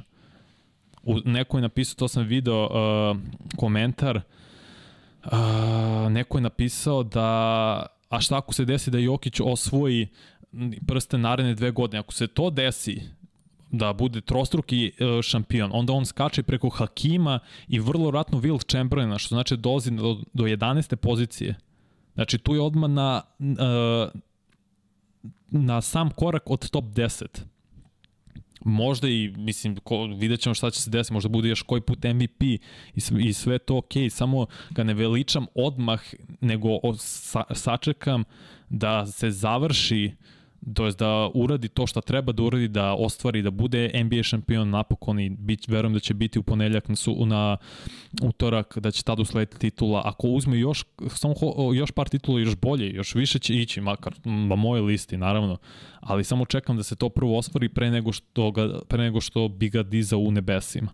I zato bih ga sad stavio i ok, ima smisla 21. 22. sa jednom titulom. Da ne osvoji titulu i da bude još 5 godina All-Star, All-NBA igrač i možda osvoji, možda odigra finale još par puta. Opet će to skočiti njegova vrednost da će biti možda i top 15. Tako da samo polako ljudi, samo čekam da mu se razvije karijera i da se za, odigra i sezona naredna i ono tamo i tako dalje, da se skupe sva ta priznanja da bi ga svrstao. Ja sam svesna da je on ofanzivno već sada jedan od najveštijih igrača ikada. Samo je opet razlika između najbolji i najveštiji, to je jedna kategorija, i najveći igrači. Sada vidimo da uh, uh da vidimo dalje. A, video sam ideju od Kellermana, da, ideja mi bila super, a lista kao lista je moja, to je moje mišljenje, čak opet mislim da sam možda bilo Rasela stavio previše visoko, iz poštovanja prema njemu, možda bi ga stavio i na devetom mesto kad bolje razmislim sada. Ovo je pravljeno sinoć, ne, neću kažem da je loše napravljeno, daleko toga, svak, svako ima svoje mišljenje, već da kad budemo došli ponovo da radimo, mnogo će se dublje ići u samu analizu, tako da će biti sigurno promena na listi. Idemo dalje. Mišljenje o Vestu, Hakimu Drexleru i o meni jedinom koji nije za ovu listu Carmelonu.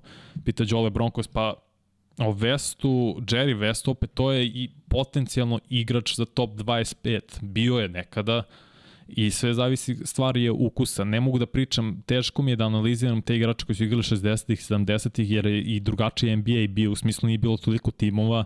Boston Celtics i kad su osvajali su imali malte najbolji igrače, Bob Cousy isto bio MVP lige, John Havlicek je bio MVP lige, Bill Russell je bio petostruki MVP lige, Sam Jones je bio više puta All-Star igrač i to je bio brutalan tim i oni su imali najbolji tim i igrali se samo dve runde play-offa i mnogo drugačiji sistem bio manje timova Znaš, zato je drugačije njih oceniti mnogo teže.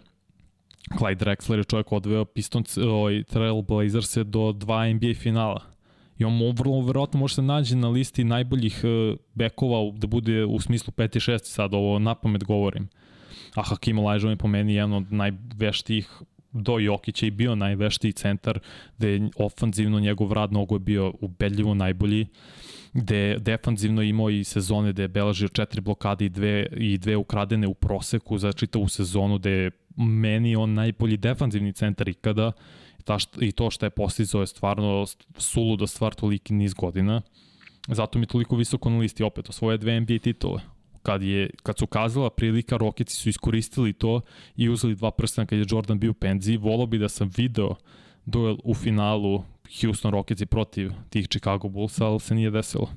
A Carmelo, on čovjek, mislim, ja razumem, ja nemam neko poštovanje prema njemu, ali dvostruk, dvostruk MVP lige je bio i postigao preko 36.000 poena i odvoje opet svoj tim kao najbolji igrač do, dve, do dva NBA finala naleteo na Chicago Bulls i Michael Jordan i Scottie Pippena i Dennis Rodman i naravno Phil Jacksona kao trenera. Ne mogu ništa tu da mu oduzmem kad je neko i bio koliko 14 puta All-Star igrač i toliko puta All-NBA, to stvarno je dokazatelj da neko igra poziciju koju on igrao, poziciju četvorke, e, krilni centar na toliko visokom nivou da budeš konstantno proglašen, znači u, u proseku 10 ili više puta kao top 10 igrač u svojoj ligi. To je izuzetno teško. Da vidimo dalje. Uh, uh, uh. Kari mora više, pa trenutno ne, zato što opet uh, možda bude 9. i 8. sve zavisi, Kari je uzao dva, dva prsna bez Durenta, to sve stoji, to je izuzetno, izuzetno impresivno i zato ga i cenim više nego Durenta, više, zato mislim da je drugi najbolji playmaker ikada, najveća, opet da ispravim samog sebe i za Magic Johnson, ali tu je top 10 igrač ikada. To je veliko, veliko ostvarenje. A, da vidimo dalje koliko imam godina.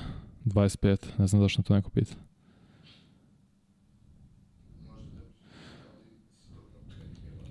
Pa dobro, ne, nije to stvar godine.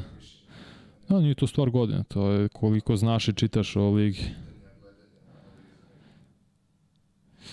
Uh, šta mislimo o BB, vjerojatno Bogdanu Bogdaniću ili možda Bojanu Bogdaniću, ne znam da li, mogu, da li će moći da ga zadrže. Ako mislimo na Bogdana, on je produžio ugovor sa Atlantom u februaru i mislim da će ostati tu, sem ako Atlanta ne odluči da rasformira čitav tim, a što tiče Bojana, mislim da je u Pistoncima i da će biti trade kandidat za neki potencijalni playoff tim za narednu godinu.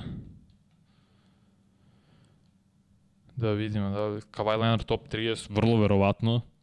Mislim da je on, sad razmišljam koji ima sve krilnih igrača, da je to naravno top 3 je mislim formi, formirano i bit će za vek vekova, tako da su to LeBron, Larry Bird i Kevin Durant, pa nakon toga da li je Julius Irving kao što je meni sad ovde, Kawhi Leonard je takođe tu, Scottie Pippen je takođe tu, ima, ima prostora da bude.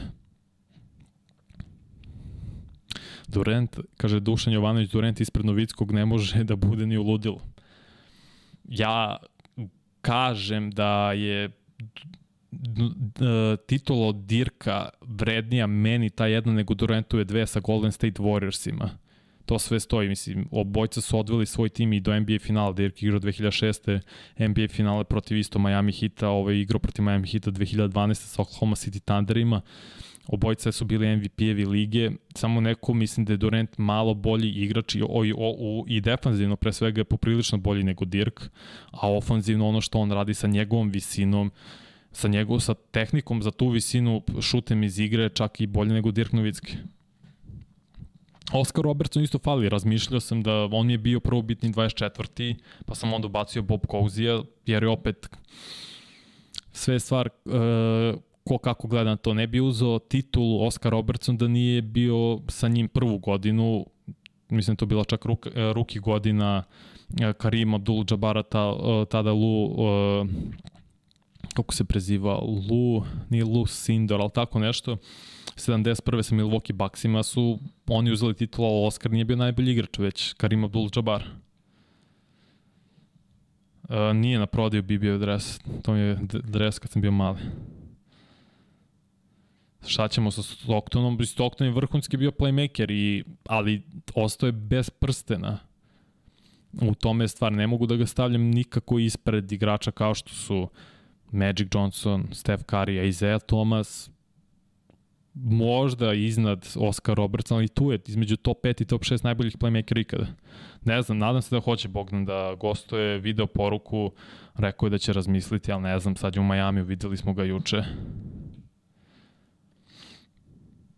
E, e, stavit ću koji su kriterijumi, to i jeste ideja kad budemo krenuli čitav serijal o, po pozicijama najveći igrači ikada, pa ću onda detaljno pre početka svake te epizode objasniti koji su mi kriterijumi i zašto je tako gledam. Ovo je čisto, nije ovo lista da se fokusiramo na listu, već gde bismo Jokića stavili ako osvoja, svi mislimo da hoće već imati prsten do utorka, iz tog aspekta je napravljena lista da što mi se mnogo svidela ideja gde, gde, bi, gde bismo ga mi stavili kad osvoji a detaljno analiza svake pozicije ko su top 10, top 15 najvećih igrača na toj poziciji na kraju uh, najveći igrači ikada sve pozicije spojeno, onda, ćemo, onda ću dati kriterijum i šta tačno gledam uh, zašto je ko više, ko manje. Da vidimo dalje. Opa, malo mi skače sad ovo. A, a, a, a.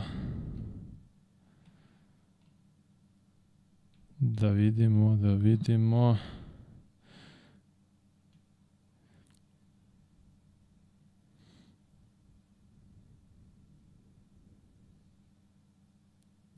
Dobro, svi, mislim, ja ne mogu da on, napiše Drogba da Lebron na drugom mestu, moram da ga stavim na drugo mesto. Čovjek koji ima četiri NBA titule, toliko i put je osvojio finale, uh, MVP finala, četiri MVP nagrade za regularni deo sezone, igrao je 10 puta NBA finale, to je stvarno i vodio takve timove do finala kao što su 2007. bili Cleveland Cavaliersi koji je ono maltene grozan tim bez njega.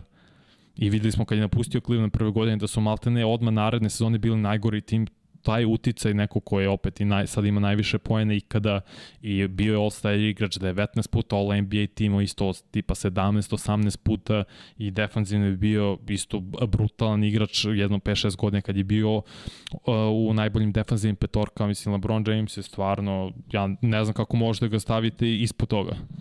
Ja ne, ne, nisam Lebronov fan, moj mlađi brat zato jeste obožava Lebrona, ja nisam, ali ne mogu da, da kažem ništa protiv njega iz košarkaškog aspekta, jer stvarno ono što je postigao u karijeri i koje su očekivanja za njega bila kad je dolazio iz srednje škole, ne da je prevazišao ta očekivanja, nego je stvarno napravio jednu od najvećih karijera ikada.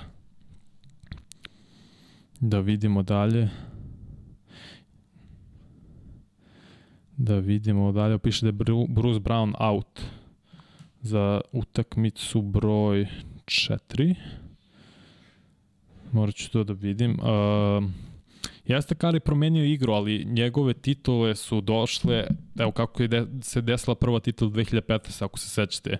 Prvo Kevin Love se povredio u seriji protiv Bostona i nije igrao finale. Kyrie Irving se povredio posle prve utakmice u produžetku, pa nije igrao ostatak tog finala i Maltene Golden State Warriors su igrali samo protiv LeBron Jamesa i drugi najbolji igrač je bio Matthew Dellavedova. I opet im je trebalo šest utakmice da pobede te uh, Cavalierse sa jednim LeBronom dok su oni imali naravno Steph Curry, Draymond Green, Clay Thompson. 2016. su prokockali prednost od 3-1 Iako mislim tu naj, najviše kriv Draymond Green zato što je imao glupo onaj potez i bio suspendovan jer je udario Lebrona u međunožje I problem s time što su onda on došao je Durant. I onda je on bio MVP tih naredne dve godine i najbolji igrač samim tim u Golden State Warriorsu i imali su najbolji tim generalno, imali su četiri All-Star igrača na, u jednom timu, to je suludo.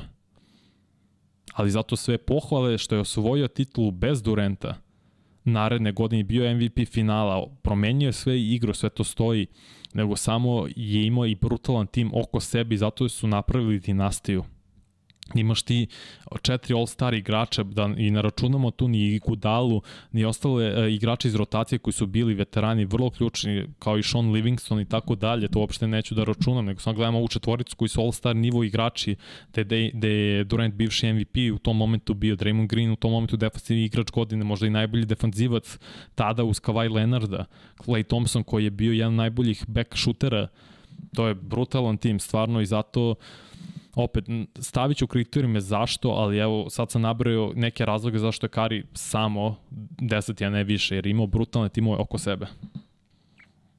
Da, bavio se košarkom od 6. do 22. godine igrao mali, mali period nešto u Turskoj.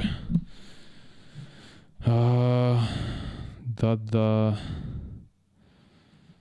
Novicki igrao tu godinu brutalno. Mislim da sam ispomenuo jednu partiju protiv Oklahoma City Thundera kad je imao 48 i 16 i Lakersi su očistili tada koji su i bi imali čini mi se neke po, probleme s povredama da Albajna, ali su opet očistili su Lakerse, dobili mlade Thundere, dobili Miami Heat koji se tek tad sklopio, ali nevažno super tim su dobili ta titula je neverovatna ja stavljam Dirka i ispred Carmelona na listi najboljih krilnih igrača ikada jer tu je na mestu broj 3, mislim da Duncan je prevaziđen, mislim da je Garnett trenutno drugi, ali verujem da će Janis prestići sve njih i da će doći tik ispod Kevin, uh, pardon, tik ispod Tim Duncan jer neće ga stići po broju titula. Iz tog aspekta mi je sada Duncan, Garnett, Novicki, da kažemo Carmelone, Janis, Charles Barkley. Ali ne nužno, možda i dalje Charles Barkley pa ga Janis prestigne, to pravit ćemo, naravno menjat će se ovo lista. A Duncan je šesti na, e, sedmi na ovoj listi. Mm, idemo dalje. Kaže Dragan, uh, hvala vam momci, toliko, toliko se učim uz vas u košarci, ako sam stariji Kong, ali hvala vam u svakom slučaju, hvala tebi Dragane, tu smo da podelimo košarkaško znanje i neke naše poglede. Da vidim, op, op, op, op, op, res, opet mi skočilo. Ja, što mrzim kad mi se ovo desi.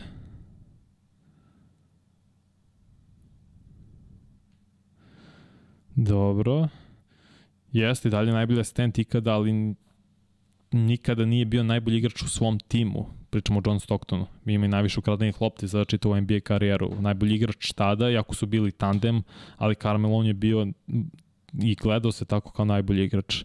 Nije Carmelo Anthony top 30 igrač ikada, mis, najvećih ikada, mislim da je top 5 ofanzivni igrač ikada, kada ako tako gledamo. Da vidimo dalje. Da vidimo... Pita Bojana, da li ću raditi mock draft? Radit ću mock draft kad se završi NBA finale, možda već od sledeće nedelje. Jedino što sam mogu da igram jeste playmaker, što imam 1,87 m, ništa drugo. I mislim da imam highlight na YouTube, to to je najjača stvar. Da, dobro, dobro, dobro je urađen. Uh, Ne, nikako. Lebron ne može da bude ispod top 5 ono što je sve ostvario. Kaže neko koji poštoje Lebron i ne voli, nisam fan njegov igra, ali ne mogu da mu zborim niti umanjujem bilo šta što je ostvario čovjek u svojoj NBA karijeri koji dalje traje 20 godina već prošlo. Da ti budeš najbolji igrač tih 21 8 do 10 godina da igraš maltene svake druge godine NBA finale, da si svake godine All-Star igrač, skoro svake godine All-NBA igrač, to je ljudi vrlo, vrlo, vrlo redko. Da vidimo dalje. Opa.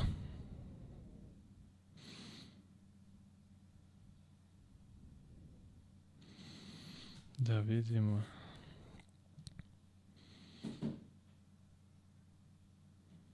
Kari je drugi, što se mene tiče, u drugim poziciji top, kako pričam samo poziciji playmakera, on mi je broj 2 odmah iza Magic Johnsona.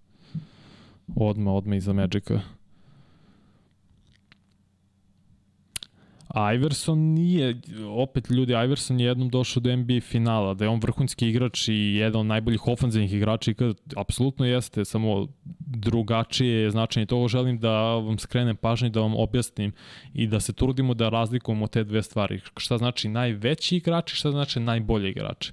Iverson jeste i predvodio ligu u poenima, mislim četiri puta MVP bio došao do finala, otkinuo onim Lakersima utakmicu, bio je All-Star igrač, čini mi se 10 puta, tako nešto slično bio All, i All NBA igrač, to je su najboljim petorkama, to je, to je sve nesporno.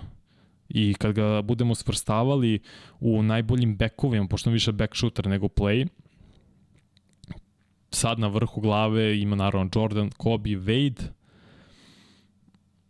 mm, da li su sad to Iverson, da li je Harden, tu je Tracy McGrady, tu je Vince Carter, tu je Jerry West, ne mogu zaboraviti Clyde Drexler takođe, Ray Allen. Ima tu veliki izbor igrača koji su tu negde. Možda bih morao da stavim Clyde Drexlera ispred Iversona jer je opet igrao 3 NBA finala u dva koje je predvodio svoj tim bio najbolji igrač. Posle otišao u Houston Rockets i bio drugi najbolji igrač kad su osvojili tu titul 95. Teško je, teško je, ulazit ćemo to mnogo dublje kad bude krenulo. Jeste, Bill Walton je mogao da se nije povredio, čovjek je bio MVP ligi i sve, ali povrede su činile svoje. M MVP kaže Embiid je rupa. Nije. Ali evo razlika sada, kolika razlika između Embida i Okića kad, kad pričamo o najvećim igračima ikada. Embiid mislim da trenutno nije top 10 centar ikada. Sad kad bi na vrhu glave nabrojao, to bi bilo, ne znam, stali smo u, u petoricu u, u prvih pet, to su uh, Karim, ne znam, Bill Russell, Wilt Shaq, Hakim Olajuwon, to je 5, ja kažem Moses Malone 6, Jokic 7, Robinson 8, Patrick Ewing je tu isto u diskusiji, možda on 9, I sada velika borba za 10. mesto, bilo je toliko centara, mislim, stavit ću slobodno i Dwight Howard u toj konverzaciji koji je bio čovjek 8 puta All-Star igrač, 8 puta All-NBA igrač, 3 puta defanzivni igrač, odveo svoj tim do NBA finala, što Embiid nikad nije učinio, na primer, ima dosta, dosta veliki izbor igrača. Tako da vidjet ćemo, sada, za sada Embiid nije u top 10 najboljih centara ikada. I to opet se gleda Duncan je sedmi na listi. Duncan je najbolji krilni centar, mislim da se to nikada neće promeniti. Nikad, nikad. Kriterijum se gleda na neki način, makar ja gledam protiv ko, koga si igrao u toj eri, koji, bi, koji su bili najbolji, i najbolji igrači na, u tvojoj poziciji, koji su bili najbolji igrači generalno u NBA-u. I to je isto jedan od kriterijuma. I s kim si ti igrao, naravno. I to je okej okay da se ne slažete sa mnom, to svako ima svoje mišljenje i to je či, či, čitava poenta ove konverzacije da svako da svoje mišljenje i da obrazloži sa nekim argumentom i ne, da kažem, ne dokazom, ali razumete šta hoću da kažem ok, ne samo ja mislim da je on zato što mi se on više sviđa ili kako god, nego dajte argument, napišete to, to i to, on je najbolji jer je radio to, to i to protiv toga, toga i toga i onda tako skupljamo informacije i pravimo diskusije i debate. Uh, odvojite jednu emisiju da objasnite sve za trade je lova na lovu ili ka, kako, na primer, MPJ realno niko ne bi uzeo, pa kako da ga traduješ, jedino ovaj lik eh, Gronki u Arsenalu da ga gurne. Da, hoćemo, objasnit ćemo i celu mm, nauku za cap, capology, čuveni što se zove i kako to zapravo funkcioniše, tako doćemo svega toga. Da vidimo dalje.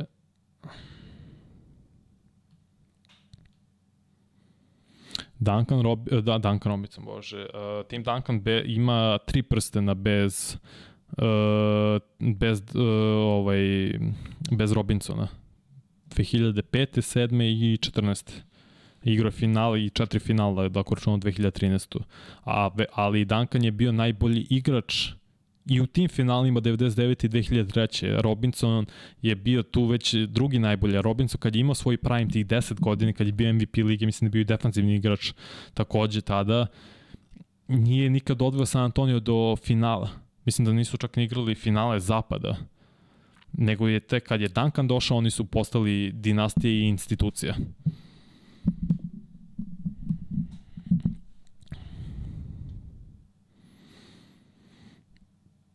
Evo kaže Miroslav Kalmović, kriterijum broj titula, MVP regularnog dela prvenstva, MVP finala, broj NBA timova, dominacija uticaj na igru jeste da protiv koga je igrao takođe koji su mu i bili saigrači, koja je bila era u tom momentu, ima nekoliko kriterijuma i sama naravno košarkaška veština i umeće.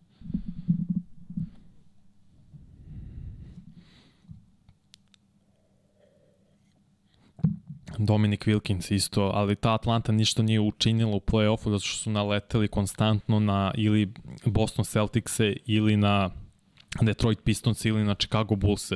Prosto se tako desi da naleteš na superiornije timove i ne možeš da ih prođeš. Oni su imali kompleks od Boston Celtics i, ta, i ti čuveni dueli njega i Larry Bird. Nisam uzimao Bob McAdoo, iskreno nisam, nisam uzimao Ne znam, nisam, nisam ga uzimo, iskreno. Ne, Carmelo, ne, Barkley je mnogo bolji igrač od Carmelo Antonija. Naj, mož, prvo odvoje svoj tim u NBA finale, bio MVP lige, više puta bio All-Star igrač, više All-NBA timova ima. Možda Car Carmelo Anthony je bolji ofanzivni igrač, ali, ali Barkley je veći u tom pogledu, greater igrač nego Carmelo Anthony.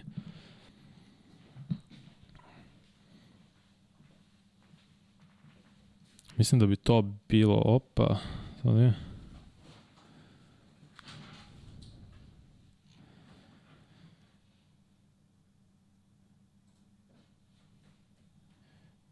Može, Aleksandre, i verujemo da će sačuvati ovaj nukleus tima, ovih petoricu, šestoricu igrača Denver još dve godine. Mislim da mogu još naredne dve sezone tako se bore za NBA titul. Ali mislim da bi to bilo to.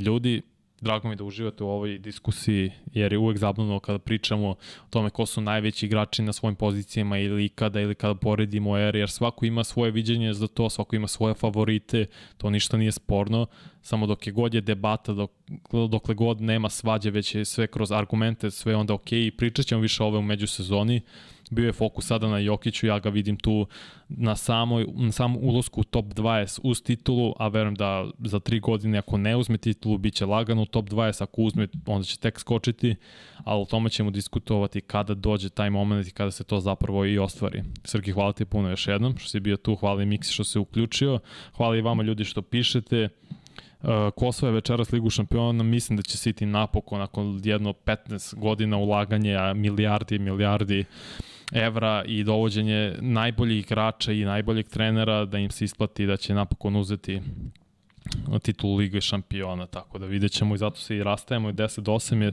još malo više od sat vremena do sati, ja kažem 9 minuta do finala Lige šampiona. Uz to, hvala vam još jedno što ste pratili, što ste udarili like, udarite još jednom. Ako već niste, udarite subscribe. Ako niste se subscribe na Infinity Lighthouse kanal, možete isto nas potržite preko Patreona, patreon.com, kroz Infinity Lighthouse ako želite postanete naši pokrovitelji ili pogledajte shop infinitylighthouse.com kroz shop, imamo sjajne majice, dukseve, spremamo i mikseja nešto za jedan na jedan uskoro. Naravno, tu su kape, šolje, možda je sad najbolje kape da uzmete, imate već u pripremi za vreme kada dođe oktobar, novembar, decembar i samim tim jesen i zima. Srkiju se zahvalio, hvala vam još jednom ljudi i do sledećeg puta, mazite se, pazite što kaže Srđan Ercek, inače trka, sprint trka mu djelo bila fenomenal, dosta uzbudljiva, tako da veliki pozdrav za njega i verujem da će sutra trka, glavna trka biti u MotoGP-u sjajna čuvajte se, vojte račune jednim od drugima i do sledećeg puta veliki pozdrav.